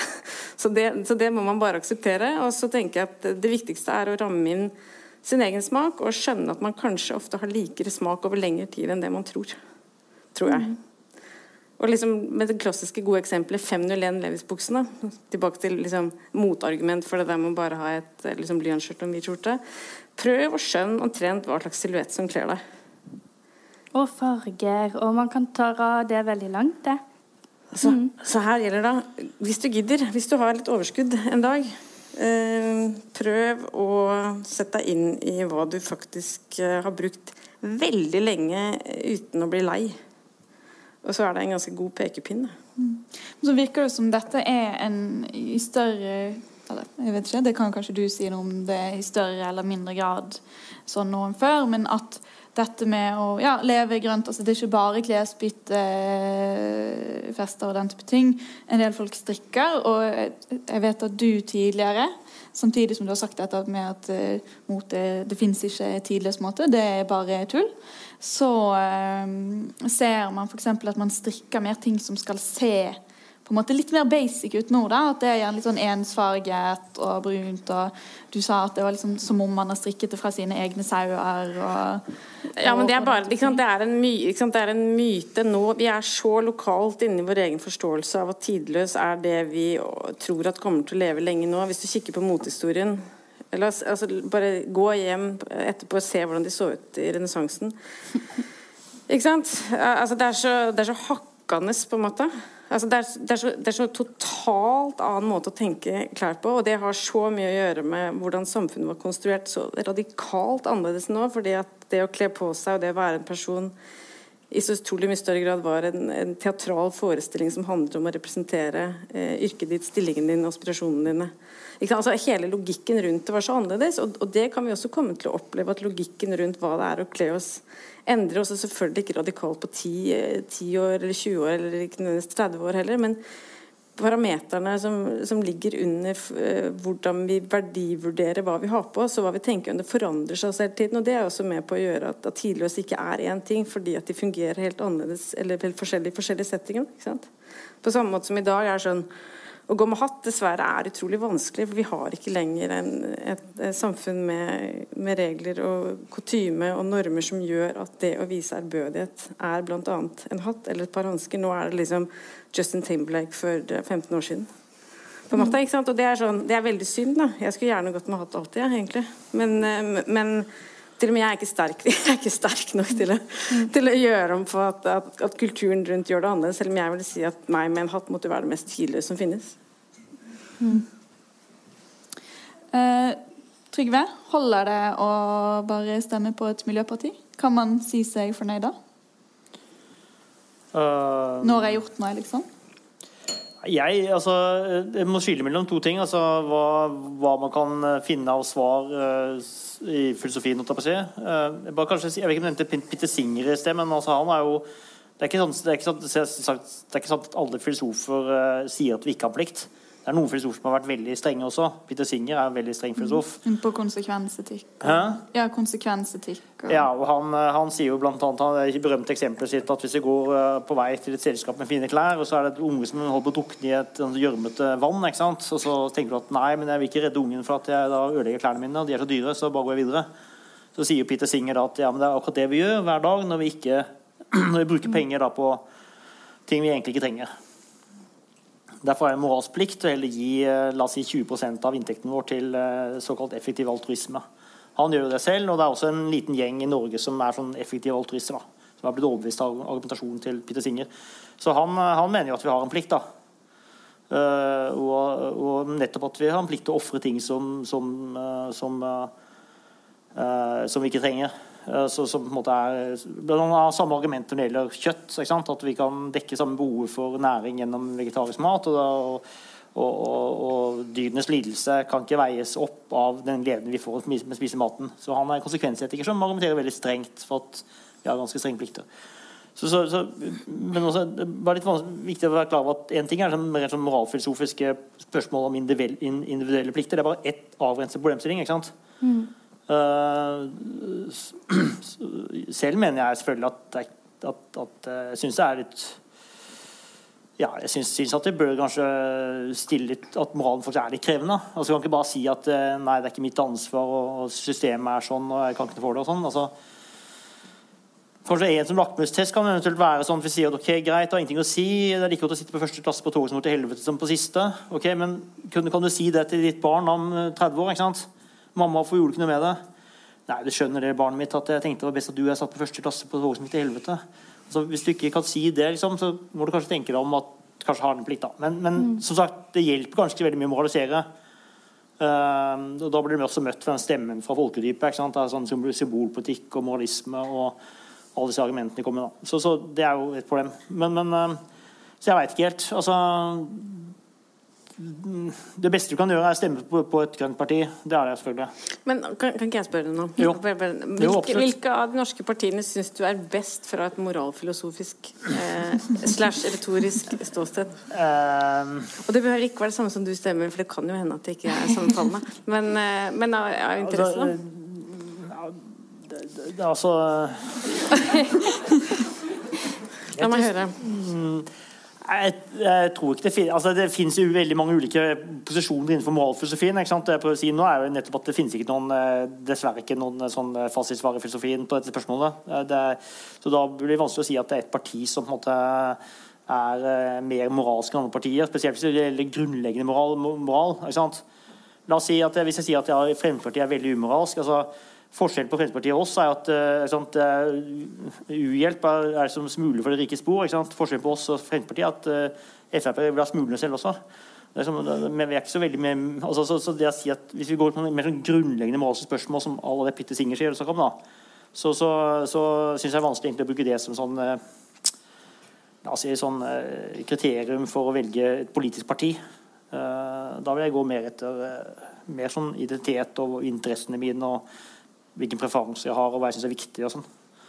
Men uh, Tenker du at folk er så opptatt Eller er vi opptatt nok av moral, da? eh, Du som sitter og forsker Jeg er på dette, egentlig- er, er du drittlei at folk er så amoralske liksom ja, jeg, ja, men liksom? det, jeg syns, syns det er godt poeng, for jeg syns ikke folk er altså, Hvis jeg bor jo i Fyllingsdalen Øh, bodde, bodde i et nabolag der, borettslag, helt flytta derfra nå til, til enebolig, da, bare for å sagt det. Hvordan står det til med den moralske samvittigheten din da? Men eh, blant i nabolaget så var det som at du skulle, om at jeg skulle bygge en parkeringsplass og sånn en liten haug midt i borettslaget hvor det blåbær og, og hvor jeg har lekt med ungene mine og sånn. Nei, det skulle sprenge vekk for å lage en ny parkering- parkeringsplass. Men, men ikke sant uh, Ja, uh, for det kommer mer bil nå. Så, så, men poenget mitt er at disse naboene mine i Fyllingsdalen da eh, de, altså disse, disse naboene Ja, vanlige folk de, de sitter ikke og ser på nå, for å si det sånn. Disse Nei, helvetes naboene i Fyllingsdalen. Nei, Nei, de ser garantert ikke på det programmet. Det er helt, helt sikkert. Um, nei, men uansett så, så, så er jo folk flest eh, De er rasjonelle og fornuftige, og de er moralske. Altså, I den betydningen vanlige moralske. De plager ikke folk, de er snille, greie, de passer på at ungene dine oppfører seg bra mot andre unger osv. Altså, så, så grunnen til at man ikke syns at det å ta seg da en eh, helgetur til Barcelona og, og, eller kjøre rundt med gasscash og sånn, det er jo rett og slett eh, de argumentene som også filosofer har fremmet, at det, har, det er vanskelig å peke på at det har noe å si hva du gjør som enkeltindivid. Og du skader noen, rett og slett. Og, da er det jo veldig vanskelig eh, å si at egentlig har noe moral i for jeg tror ikke det er mer umoralsk enn en, en det jeg er. Det blir kanskje kanskje ja. mye vanskeligere fordi at det er så diffust, den konsekvensen. Det er mye lettere når man kan Ja, det blir for å si det veldig mye enklere enn det jeg sa med Steven Garner. Så blir det så stort uh, og komplekst uh, at det blir sånn at de som enkeltindivider så er det veldig vanskelig å skjønne at de har noen innvirkning. Og da er det veldig vanskelig å begynne å gjøre noe. Øh, og føler at det er noe vits i, at det er noe, ja, det er noe for meg å ofre noe. Jeg tror at hvis alle fikk øh, sånn, sånn diktatorspørsmål ok, Du fikk et spørsmål nå i dag. Du måtte slutte å kjøre bil, slutte, slutte, slutte å spise kjøtt, eh, slutte å reise til Syden osv. Men, eh, men det, fordelen med det var at hvis du bestemmer dette, her, så vil resten av verden gjøre det samme som deg, og da kan vi redde klimaet. Da tror jeg ganske mange flere ville sagt greit. Så, så det er noe med det der allmenn tragedie. Bortsett, fra naboene i Fyllingsdalen. Uh, ja, de vil, de vil ikke skjønne spørsmålet, faktisk. Um, De sprenger. ja. Um, så, så, så, så, så, jeg, så jeg tror, tror at det er litt av det, men, men også uh, Ja, jeg, så, jeg vet egentlig ikke, altså. Nei, tilbake til hvorfor vi er her vi er. Da. Det er jo sånn, det er åpenbart at vi tenker sånn. på en måte altså, Det må man bare si. Herregud, kan jeg kjøpe meg noe nytt? Juhu! 1960, liksom. Syntetisk. Jeg slipper å stryke. Som er, ja, det er også sånne ting jeg tenker på. Det er for så vidt et, eh, en digresjon, men det er jo bare virkelig viktig å huske på. Altså, tenk på jeg, Jeg sitter og skriver en liten trudelutt om bestemoren min. Det er sånn, ikke sant? Eh, Hun er en av de siste store vokterne av kvalitet. Strøyk trusene sine. Hver eneste bomullstruse, alle duker, alle kluter, alt. ikke sant? Og hun, hva er hennes garderobe laget av? Polyester. Og det er jo fordi at på 60-tallet så er det sånn Herregud, husmoren, vi kan slippe henne fri. Altså Hun slipper å stryke. Mm. Liksom, Mannen hennes, som hun før har stått og nistrøket skjortene til, som tar veldig lang tid, selv om du er utrolig god med strykerne, det tar så lang tid. Og plutselig kommer det strykfri T-skjorter. Og en ting er at mannen antageligvis blir svettere under sine små armer. Eh, men kona slipper å stryke. Så det er noe med at eh, det, kom, altså det er så kort siden syntet og det å bare ha noe veldig kort altså, Det ble sett på som en helt, helt fantastisk frigjørende, herlig ting, og til og med et, et feministisk eh, fremskritt. Akkurat sånn som ferdigmat og posesuppe og alt det vi liksom ser ned på nå, også var en utrolig fantastisk nyhet. Så det er jo Igjen bare noe med å skjønne liksom at når vi ser ned på oss selv og tenker herregud, hvordan er det mulig at vi kunne lage et sånt drittsamfunn og kjøre verden så inderlig i grøfta, så er det veldig kort siden vi tenkte at vi virkelig var inne på noe. Mm. Virkelig. Liksom. Det er jo på en måte tydelig, da, eh, syns jeg ut fra det dere alle tre sier, at det handler jo rett og slett noe om at den konteksten som vi tar de valgene våre i, det har jo noe å si. sant? Mm. Og her innenfor økonomien blant annet, så kan man jo skille mellom harde og myke insentiver. sant? Som handler om at Harde insentiver det handler om at eh, man eh, i en eller annen form for økonomisk belønning eller straff eh, dytter folk i retningen av å gjøre eller ikke gjøre noe. Og dette kan skje fra bedrifters side også, da, gjennom at man har sånn medlemskap som gjør det lettere for deg å, å uh, kjøpe ting, eller at man har liksom salg på de der grønne kolleksjonene og promoterer det og sånn. Men så har man også myke insentiver som handler mer om den sosiale responsen du får, og selvbildet ditt og den type ting. da. Så harde insentiver er jo kanskje mer det som staten kan gå inn og gjøre noe med. Mm. Mens myke insentiver der det er jo litt vanskelig å si at man som individ kan, kan, gjøre noe med det, men kanskje man kan skape en kultur som kan endre ja, det, de valgene litt. Det er et godt poeng. Liksom, hvordan det, sosial, den sosiale kontrollen, for å si det sånn, hvis vi kaller det for myksinitiativ mm. Eh, det, er, det er jo stat en ting, samfunnet noe annet, individer. Samfunnet er jo det, hvordan vi kontrollerer hverandre gjennom nabolag og venner og sånn. Så, så, det er kanskje det du snakker om. Altså, jeg vet ikke at det kan komme endringer der. nå. Altså, vi kan kanskje tenke at vi kan eh, jeg vet ikke, men Hvordan tenker du det skal skje i praksis? da? Altså at vi skal det er nå vi ser mot deg. Hvordan tenker du det dette skal skje i praksis? Jeg, vet ikke, jeg, jeg kom nemlig hit i dag med alle løsningene. idiot, idiot, idiot. Jeg sitter med alle løsningene. Gratulerer med dagen. Nei, men jeg tenker Det er jo litt interessant, fordi mm. tenkte da kommer dette med selvbildet inn igjen. sant? Altså Hvis man bor i et uh, godt naboskap. Um, kanskje ikke Laksevåg. Nei, jeg skal ikke disse videre på Laksevåg. Men um, Nei, Fyllingsdalen. Sorry. Yes, det, her, går det, her går ordet i surr her. Men uh, jeg, når du sa det, jeg vet ikke hvorfor, men da begynte jeg å tenke på dette bærekraftige liv. De jobber jo for et sånt grønt naboskap og samhold, hvor man da eh, har sammen eh, har et bevisst forhold til eh, ja, enten det er eh, matlaging, og utforske det i, i lag med naturen, eller klær, eller og at man da kanskje får det samholdet og det sosiale, og da kanskje føler seg vel med seg selv. Det var i hvert fall noe som dukket opp i hodet mitt da når du snakket om det, selv om det ikke jeg går helt inn i insentiver da kanskje. Men ja. Replikk til Ragnhild? Nei, jeg tror jeg er mye mer en sånn hardliner, egentlig. For at, eh, jeg tenker sånn sant, Veldig mye av altså, disse debattene og, og, det som skjer nå, visste man allerede på slutten av 60- og 70-tallet. Mm. Alle som var Alta-aksjonister, som flyttet ut av byen, og som ville dyrke grønnsakene sine selv, og som ville redde alle trehusene som gjør at det fortsatt finnes noen, i hvert fall i Oslo. Eh, ikke sant? Altså, da denne bevegelsen og mange av disse tankene og disse bøkene Jeg hørte bl.a. Uh, eh, han godeste Jørgen Randers, hvis dere kjenner til ham, som tidligere var ja. ja. Hørt nok om han, for å si det sånn. Ja, ja. Nei, men ikke sant? Altså, det fins jo de som fortsatt er ute bare Poenget er bare de som fortsatt er ute på disse scenene og snakker om dette, er de samme som også holdt på for veldig mange år siden. Og det er jo bare igjen noe med at alle har lyst til å være med, og så er det vanskelig å gjøre det så lenge det er og blir et privat insentiv og en del du skal kna inn identiteten din, og hele tiden altså ikke bare ha som en ny og god interesse og et tema du følger med på i avisene, men som skal bli til en del av atferden din.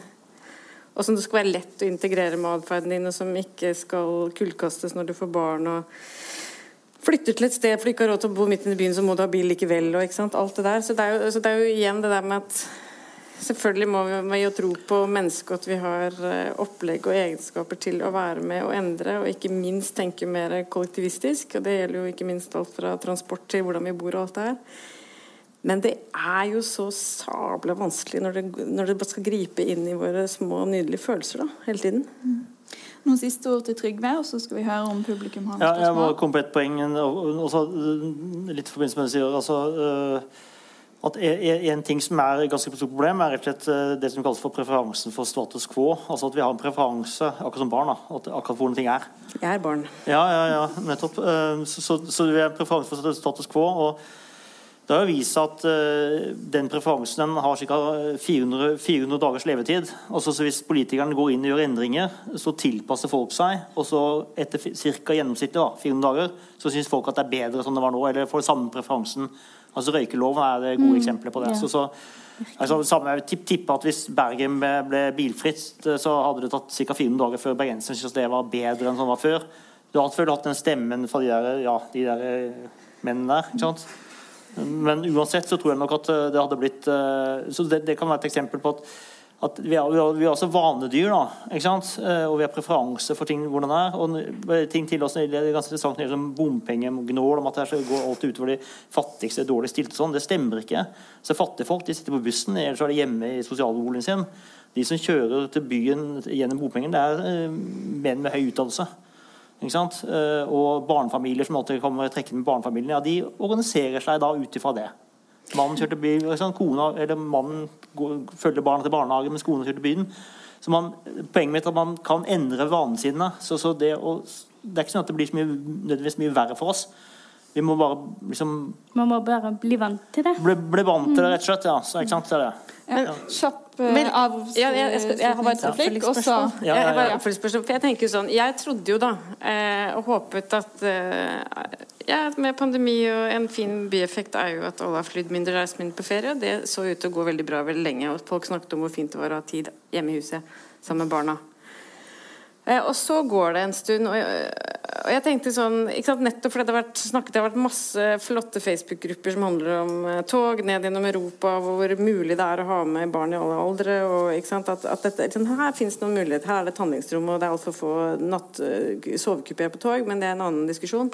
Men tror du Er det sånn, sånn nå ser det ut som folk likevel har lyst til å reise på Ja, ferie på akkurat samme måte. Er det da fordi at pandemien er et negativ himling over det nye, umiddelbart tenkt flotte prosjekter. Vi trenger det ikke.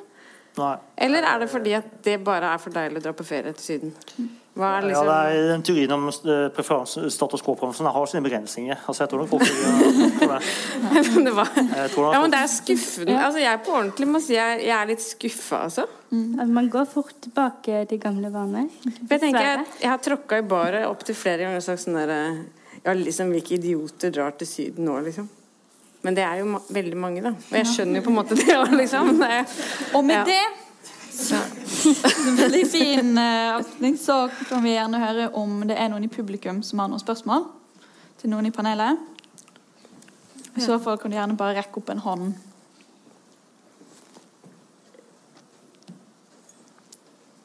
Ja, helt fremme. Yes. Uh, det kan, oi. Jeg kan egentlig bare si ja. Nei, du må snakke mikken, ellers så kommer det ikke til å høre. et, et ganske snevert spørsmål til eh, Ragnhild, var det? Ja. Eh, angående den løsningen din med sirkulasjon eh, hos en enkeltperson. Det legger jo litt til rette for at man skal ha en bod og ha masse klær. på en måte Går ikke det litt imot sin hensikt? At du har mulighet til å kunne ha en hel boks full av 90-tallsklær, en hel boks full av det. Ikke for å være kritisk, jeg bare lurte litt på det. Nei, jeg synes Det er et veldig bra spørsmål. Men jeg tenker, altså, det her er jo tilbake til eh, Jeg tror at eh, det er forskjellige løsninger som passer for forskjellige folk med forskjellige klesinteresser. Og for, for å avsløre det, min mann har et, en betydelig mindre brøkdel av klesskapet eh, enn en meg.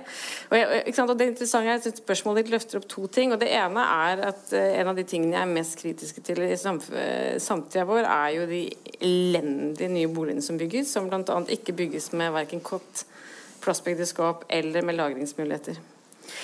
Eh, og det er jo ikke fordi at det er så utrolig bra at vi skal lagre tusen forskjellige ting, men det er jo fordi at vi skal håndtere på en god måte og lufte f.eks. Et loftsbod, sånn som jeg er heldig nok til å ha flytta inn i nå.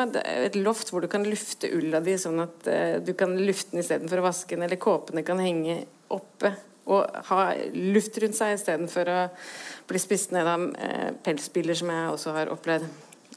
En stor invasjon av der vi bodde før. Men, men, jeg tenker jo at eh, det å ha et slags sånn arkivmodell egner seg opplagt best for de som har en del, og som har en interesse som handler om eh, å ha et bevisst forhold til når man endrer preferanser, og hvorfor man gjør det, og har hatt den interessen så lenge at man også tror at den kommer til å vare eh, som for min del, helt til jeg stryker meg, er jeg helt sikker på. ikke sant? Og så, så, det tror jeg er en modell som definitivt ikke passer for alle. Og, og som sagt, mannen min, hans depot, liksom, er mer et nostalgidepot med band-T-skjorter. Eh, som er sånn musespist for han, er, for han er jo eller lik meg på mange måter, bortsett fra at han ikke har like mange klær. Men, eh, som er sånn, men det er fordi han har brukt de, altså det er så, han har brukt så sinnssykt lenge da, med sånne store sånne svetteskjolder under armene og sånn bandnavn som ikke er synlig lenger. liksom.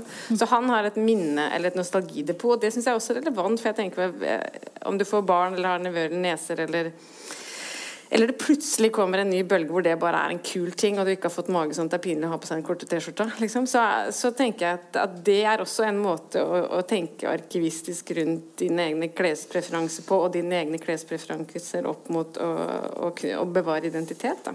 For jeg i hvert fall har liksom, Jeg tenker med tingene mine, og jeg har behov for å jeg har fortsatt behov for å gå og kikke på de gamle tingene mine av og til.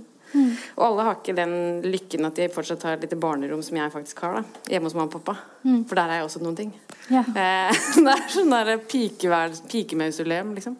Men, eh, men, hvis du er en, en, en, person som elsker å leve med ting Og det her er jo ikke en, en, prat som handler om å ikke elske det, det handler jo nettopp om å vite hva slags ting du har, og vite hva slags forhold du har til og hva du mm. bruker dem til. Ikke sant? Så det er på en måte Ikke skam deg ikke over tingene du elsker, men, men er dem, og bruk dem, og ta vare på dem. Ja, veldig gode ord. Mm. Tusen takk på supportgruppa mi. ja. Er det noen flere spørsmål? Ja, Trygve? Uh, veldig bra debatt. Jeg syns det var veldig interessant. Jeg bare lurte på, altså Det er jo veldig mye fokus på bærekraft uh, nå imot det. Det er jo veldig i vinden. Mm. Uh, så det er jo litt sånn om man kjøper eh, bærekraftige klær fordi man er veldig opptatt av å være miljøvennlig, eller fordi man er opptatt av, eller fordi man kjøper det fordi det er kult akkurat nå, på en måte. Mm.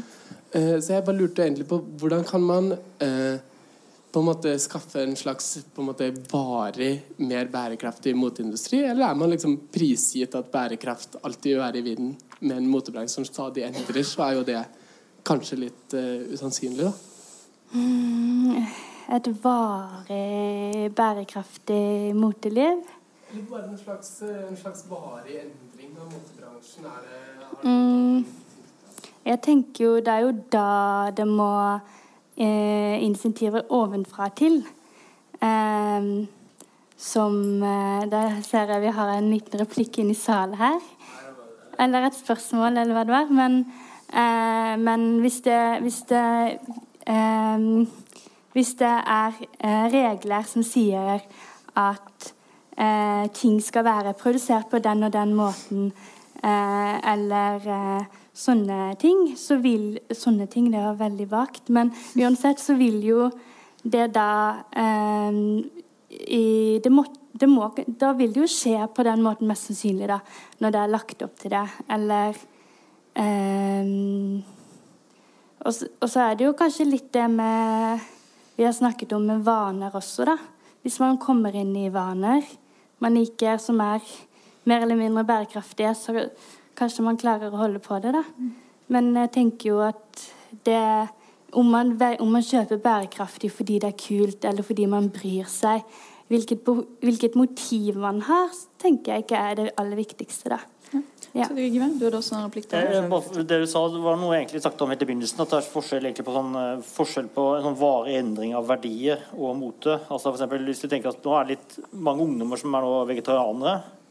Blant annet, jeg ute og spiste middag med noen yngre kolleger, så var jeg og en professor emeritus som spiste kjøtt. Alle andre var vegetarianere, så det er åpenbart litt kult.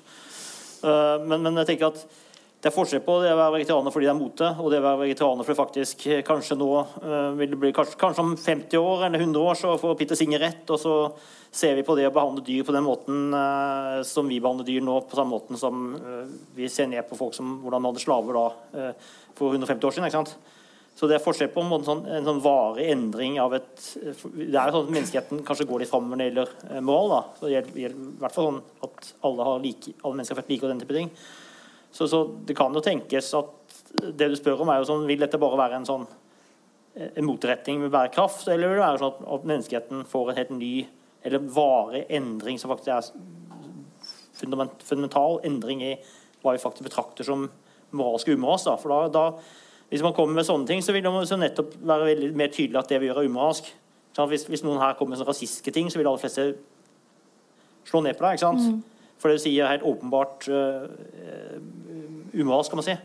Så vi har en plikt til å ikke si, være rasister. Og hvis noen sier noe rasistisk, så tar vi på en måte og sosialt kontrollerer det. ikke sant? Det her finner jeg ikke at du snakker sånn. Mens hvis folk for eksempel, tar seg en søndagstur med bilturen sin, nei, søndagstur med bilen eller, eller en weekendtur til Barcelona, så er det ingen som tør å moralisere over det. Og det er Derfor har det ennå ikke blitt en sånn varig endring av, av verdier. Da. Så, det du spør om, er jo kanskje retning av det med bærekraft. Liksom, hvor solid er det fundert liksom, i, i, vårt verdisystem? da. Eh, noe sånt. Nei, jeg tenker altså, det, det, enkle og kompliserte svaret på det er jo at uh, det å produsere mote kan ikke være Eller mote, produsere mote på en bærekraftig måte eller klimavennlig måte kan ikke være mote, det må være norm. Å kjøpe mindre kan ikke være moteriktig, det må være norm. Og mm. handle bruk kan ikke være mote, det må være norm. Og så er det jo sånn at uh, vi velger jo ikke altså Jeg kjøper ikke noe fordi at Å ja, var et, her var det et bruktmarked. Det elsker jo jeg så jeg bare tar et plagg. Det er ikke sånn, det er ikke mm. sånn uh, mote fungerer, da. Eller det er ikke sånn våre preferanser i det hele tatt fungerer. Så det er jo noe med at all, alle preferanser vi har, de kommer jo fra en idé om at dette forsterker identiteten vår på en eller annen måte som har samklang med samtiden, da, og de vi har rundt oss og vil bli se og bli sett av. Eh, så det er jo noe med at alle valg eh, jeg tenker Det er liksom alltid viktig å huske på at eh, ja, vi har lyst til å være moralsk forsvarlig, for å bruke det begrepet. Vi har lyst til å gjøre noe fint for oss selv og for samfunnet og barna og bla, bla, bla. Men til syvende og sist så er det jo sånn Du kjøper jo ting på butikken hele tiden fordi du liker det eller ikke. Og her er vi tilbake til den store, Hvorfor den store stygt og pent-debatten plutselig føles relevant igjen. Fordi at det, det, går an å kondensere den samtalen også ned til det. da? Og da er du tilbake til altså kunnskapsperspektivet, eller hvor godt du kjenner deg sjøl. Veit du egentlig hvorfor du liker dette, eller vil ha dette? Eh, hvor mye kan du stole på din egen smak? Eller liksom, Vil du ha en grå sofa fordi boliga sier at du skal ha det? Det vet jo ikke du, for du har ikke tenkt noe på det, egentlig. Mm. Du bare gjør det fordi de andre sier det, så tror du at du blir lei, for det sier de andre, og det sier Obos også, og alle sier det. Liksom. Så det der med å på en måte skjønne, og prøve å skjønne hva, eh, hvor nær, nær kontakt man har med sine egne preferanser, er jo liksom den ene delen av det. Det andre er at, at, at mote som fenomen kan ikke være toneangivende for hva vi gjør eller ikke gjør, eller hvordan ting produseres eller ikke produseres. Det har på en måte ikke noe med, med saken å gjøre. Og en gang så var jo de fleste klær laget på en helt fantastisk og bærekraftig måte sammenlignet med da. Samtidig var det også drittforhold og dårlige lønninger. og Garveriene tok knekken på noen enhver. liksom, Har fingra sine oppi det syrebadet hele tiden. så det jo, altså, Dette har aldri vært en vidunderlig industri, på samme måte som industri aldri har vært noe spesielt vidunderlig i stor skala i det hele tatt. da, så det er jo bare, mm. nå, Vi står bare på toppen av en stor, feit pyramide av uh, noen få gode og en god del ganske dårlige valg. Ja, så det var flere spørsmål i salen? Ja, ja. Ja. Um, nei, nå har jo spørsmålet mitt endra seg litt, fordi dere snakker litt om, om det allerede. Jeg skal prøve å, prøve å, lese det sånn at jeg ikke sier det feil. Um, dere sa jo at mote går i sykluser, men at den går i 20-årssykluser. Men jeg, jeg, for, jeg, er jo ikke moteekspert, og jeg er vokst opp på bygda. Jeg hadde ikke et forhold til mote. Og så vokste opp på bygda. Det er mange av oss. Men um, at uh, de som vokser veks, opp nå og blir født, uh, altså din unge og min unge som blir født i år uh, vil ikke ha en, ha en helt annen bevissthet enn de voksne i dag, og boomers for den del. og de får en helt annen kultur fordi de har andre normer og andre f.eks. lover på, på, politisk nivå. Fordi vi er jo på en, liksom en peak over Ok, vi har, vi har alt med kapitalisme og materialisme gått for fort. og vi er vi er liksom her nå, og vi er på vei til å roe ned fordi 2030 skal verden være helt annerledes, og vi skal ha ingen klimagassutslipp og ikke bruke mye mindre ressurser. Um, men um, ja, hva med den generasjonen? Det er liksom den jeg lurer mer på. Jeg tror ikke moteindustrien kommer til å endre seg fordi den endrer seg nå. Bærekraft er ikke den mote det er, skal bli den nye norma, eller er på vei til å bli den nye norma. Så det går vel mest til deg som er moteekspert? Nei, altså, Med tanke på den jeg, syklusen. jeg tenker jo altså Moteindustrien må endre seg fordi den må endre seg. Ikke sant? Så, så det, og så er jo noe av det mest interessante for alle som liker eh, La oss si man går inn på et, det beste nettsamlestedet eller som heter Business of Fashion, og ikke at jeg er så fryktelig ofte sjøl, for så vidt, men, men det er et ganske sånn god indikator på hvordan samtalen ser ut nå. Og bare for fem-ti år siden så ville praten være mye mer om sånn begynnelsen på at store selskaper kjøper opp forskjellige designere. Da vil det handle om eh, de gamle motehusenes eh, død, eller at man begynner å bytte designere like ofte som vi bytter sokker. Da, da handlet engstelsene om mye mer om industrien som industri, og industriens egen evne til å forvalte kultur og historie. Eh, Og også opp mot, eh, også opp mot eh, håndverk og all, liksom hele haute couturen som hadde sin siste dødsralling. på en måte. Da handlet det mye om det. Nå handler det veldig mye om bærekraft. Eh, og bare for å si det, Hva det handlet om før, det har ikke gjort at det har blitt noe bedre. Eh, tvert imot. Nå, liksom, det har aldri vært større utbyttinger i motehus enn det er nå. Og aldri mindre prissetting av de som eh, forvalter tradisjonen å, la, å lage disse klærne. Eh, Så den store debatten da førte jo ikke til så veldig mye, bare for å være litt negativ på slutten, for det er så sunt. Eh, Og nå snakkes det veldig mye om masse forskjellige løsninger og eh, medvirkning fra folk, og hva vil egentlig folk flest ha designet, og litt sånn som man, noen snakker om i arkitekturen også, at ja, vanlige folk skjønner jo egentlig godt hva det dreier seg om. Liksom, vi må bare bygge finere ting. Um, og så er arkitekturopprøret eksempel heller ingen god løsning på, på sånn vi bygger på verken estetisk eller etisk nå. Så, så jeg tror at altså, det, det må endre seg, og våre barn kommer til å ha et annet syn på det fordi at de lever i en annen kultur som har andre politiske vedtak i bunn, og man snakker annerledes om det på samme måte som kjønn og identitet kommer de til å snakke om på en annen måte enn en bare vi gjør det. Men jeg Altså, jeg, jeg tenker jo at eh, om noe så håper jeg jo at mine barns eh, forhold til klær kommer å ligne, til å ligne mer på mitt, som jeg hadde da jeg var liten. Fordi jeg håper jo at det blir, blir en radikal endring, men det er vanskelig å se det for seg. Og det er også vanskelig å se for seg at ikke det å bruke veldig mye gjenbruk blir til en slags veldig lang, behagelig rampe hvor vi fortsatt kan ha ganske stort volum av klær i klesskapet. Hvis vi ønsker det, ikke sant? Nord og ned, sier hun. Ja. Var, var det et siste spørsmål fremme? Ja. Ja, et tilbake. Hallo. Hei. Eh, tusen takk for en veldig fin samtale så langt. Eh, jeg har eh, egentlig veldig mange spørsmål og kommentarer som jeg har lyst til å komme med, men jeg skal prøve å holde kort til ett spørsmål. Eh, og det går vel egentlig mest til Ragnhild, til estetikeren.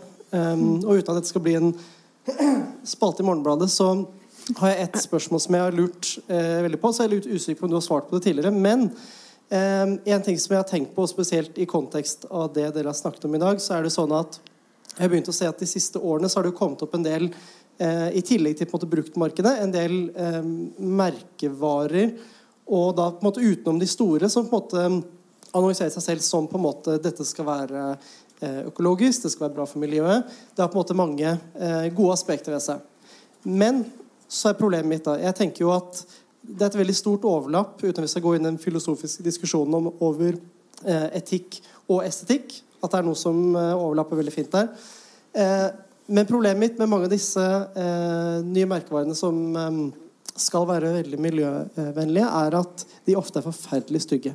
I hvert fall i min mening. Ja. Eh, og at det ofte går i nesten alltid hvite, sorte T-skjorter. Hvis du er heldig, så er de kanskje grå eller mørkeblå. Eh, og så er de kanskje lagd i den beste økobomullen, men så er det bare forferdelig kjedelig, lite stygt. Og så vet jeg jo på en måte det eksisterer jo en helt eh, industri parallelt med på en måte Kanskje det mange ville tenke på som luksusvarer eller andre små fabrikanter rundt i verden, sånn som i Storbritannia og Italia. Der det lages fantastiske stoffer i spennende mønstre, kvaliteter og farger og sånne ting.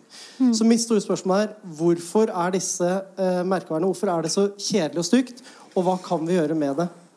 Nei, jeg tenker at Det er to, to svar på det. og Det ene er jo at, eh, at eh, en eh, grå økologisk eh, linskjorte som er, går rett under knærne, som du kan bruke med og uten bukse under og hele året og eh, med uten truse, liksom, det er Eh, det er den klassiske utopiske måten å si at eh, det fins en endelig løsning på problemstillingen. Og Det er akkurat det samme som eh, norsk-amerikanske økonomen Torstein Webelen og sosiologen nå for så vidt sa også, er jo at ja, men det er jo, ikke sant, mote er en forferdelig ting. Menn og kvinner kan jo egentlig gå likt, herregud, det er ikke så stor forskjell på kroppene. Og buksedress er løsningen. Mm. Eh, og det er en fasong, og den passer alltid, og den er kjønnsnøytral og helt gull, det.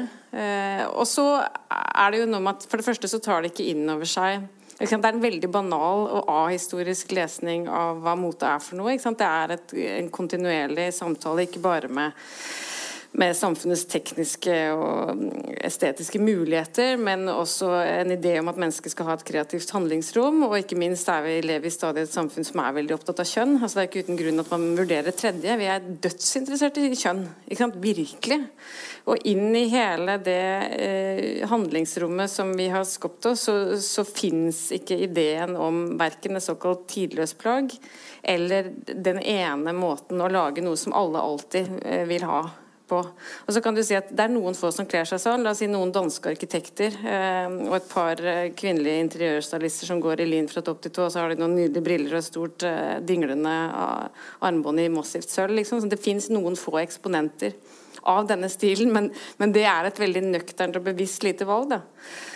Og Hvis du liksom ser et enda større liksom himling over det, så tenker jeg at dette er, og da virkelig inkluderer arkitekturen, det er modernismens store problem. Og det er forestillingen om at det fins én en endelig funksjonalistisk eh, på en måte, hva skal man si, en, en ultimat løsning på det moderne, moderne Spørsmålet om å være ultimat moderne. Og det er en rettvinklet blokk som er grå fordi at det fins en idé om at hvitt og grått er nøytralt. Det er det ikke. Verken for eh, hjernemassen eller for øynene våre som vi bruker på å se på disse tingene. Tvert imot er det masse forskning som viser at vi blir deppa av det.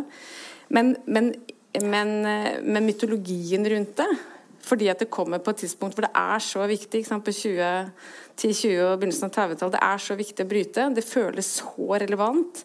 Bolignøden har vært så stor, fattigdommen har vært så stor, folk har hatt det så vanskelig. Det er så enormt, enormt tro på at teknikken og de nye løsningene vil endre noe.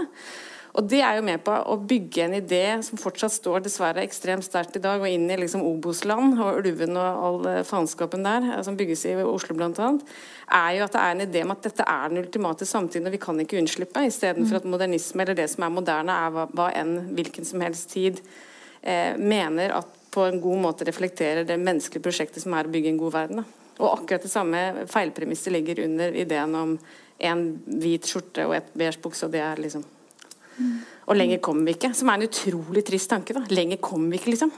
Altså Dra tilbake til renessansen, så jeg bare Vi kan komme så mye lenger. Mm. Et kort siste spørsmål. Så vi prøver å svare litt kort også, så kan vi runde av. Ikke forstyrr meg når jeg prater. eh, dere har vært litt sånn inne på sånn politiske insentiver og sånn, f.eks. Og dere kommer liksom ofte tilbake til at det må på en måte være noe ovenfra som eh, gjør at vi tar mer og legger til rette for mer bærekraftige valg. Men eh, hvor sterke begrensninger mener dere at man kan og bør legge på enkeltindivider for å eh, få dem til å ta mer bærekraftige valg? Fordi dere snakket om f.eks. folk reiser til Syden fordi nå kan de det. Eh, under pandemien så kunne man ikke det. Um, og at dette er en såpass liksom um, Det er en, en, utfordring som er her nå, og vi må ta tak i den nå. Ta f.eks klær, da. Helt mm. spesifikt. Eh, altså sånn, det er åpenbart Man kan ikke drive med rasjonering, men helt konkret, hva tenker dere at er eh, legitimt å pålegge individer? Mm, jeg tenker jo ikke det bare nødvendigvis handler om eh, å hindre oss i å forbruke mer, men kanskje ikke forbruke mer, men du skjønner kanskje hva jeg mener, men også legge til rette for at man kan gjøre de mer rette valgene, da. For eksempel du, du, sa insentiv fra politikerne, f.eks. at det skal bli lettere å drive reparasjon. At man tar vekk den momsen på reparasjon, f.eks. Eller eh, for å ta et sånt veldig konkret eksempel, da. Eller eh, eh, Nå datt jeg ut av hva jeg skulle si videre. Eh, men eh, Bare eksempel på hva man kunne gjøre, tror jeg. Ja. Du venter. Eh, det, er i hvert fall, iallfall det eksempelet jeg hadde akkurat nå her. Og, ja. um, Men er ikke fremtiden i hender? Altså, dere har vel kommet med forslag om, karbon, om karbonavgift på klær, blant annet? Har dere ikke det, da?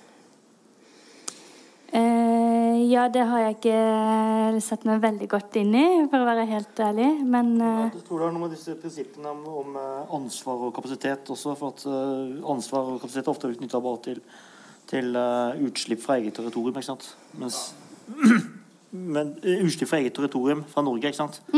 Mens så, eh, men også, men så er det snakk om i hvilken grad er du ansvarlig for utslipp også gjennom ditt eget konsum ikke sant? av ting som er produsert i andre land. Hvordan kan man da beregne Ja. Hvis- man skal beregne bare ut fra utslipp i Norge pluss Norges rikdom, så vil jo egentlig alle vi som sitter her, måtte betale veldig veldig mye mer for klimaet enn det vi gjør.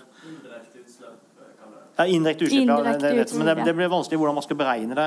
ikke sant? det, er jo, Ja, det, er jo, det har jo vært snakk om at vi skal ha et, sånt, ki- et forbrukerbasert eh, klima- eller Ja. budsjett, men vi skal ikke ta det nå hvis vi skal svare Nei, kort. nei, Men nei. jeg, men jeg tenker sånn uansett altså, En del av, eh, av eh, moralen, for å bruke det begrepet, er altså klær må bli sinnssykt mye dyrere.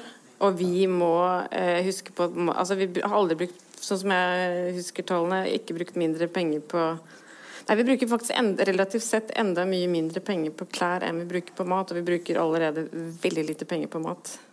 Ikke bare med tanke på hvor rike vi er, men med tanke på eh, hva det burde koste. Både å frakte det og produsere det og hele pakka. Så, så noe av det mest interessante, og her er vi jo tilbake til hva individet kan og ikke kan bry seg om, da, men, men klær er jo Altså, det er jo helt eh, sinnssykt avskyelig at en singlet koster mindre enn en god caffè latte og en bolle i Bergen by. Det Eh, liksom. Så det er, jo- altså, det er jo bare noe med igjen eh, eh, at, at klær Å virkelig liksom forstå hva klær burde koste. Eh, Og det er tilbake til hva det burde stått på den der prislappen som ikke er sånn tanneråte, sånn som mannen min foreslo, på klær. Men det hadde vært veldig deilig om det sto 'dette burde egentlig kostet'. Prikk, prikk, prikk. Ikke sant? Ja. Det er den verdien av klærne. Eh, Jeg tror at hvis det er én ting vi har kommet frem til i kveld, så er det i hvert fall at dette er vanskelig og en ganske komplisert tematikk. Eh, Resten av uken skal vi som sagt gå litt mer inn i fakta om industrien, og vi har også en debatt på torsdag om det. Men eh, med det så tenker jeg at vi sier tusen takk til alle dere som kom, og en spesielt stor takk til alle dere i panelet. Så er det så klart at eh, kommer dere til Bergen, så får dere paraply. Ja. Ja da! Jeg har faktisk ingen kvalitetsparaply, så dette er midt i blinken.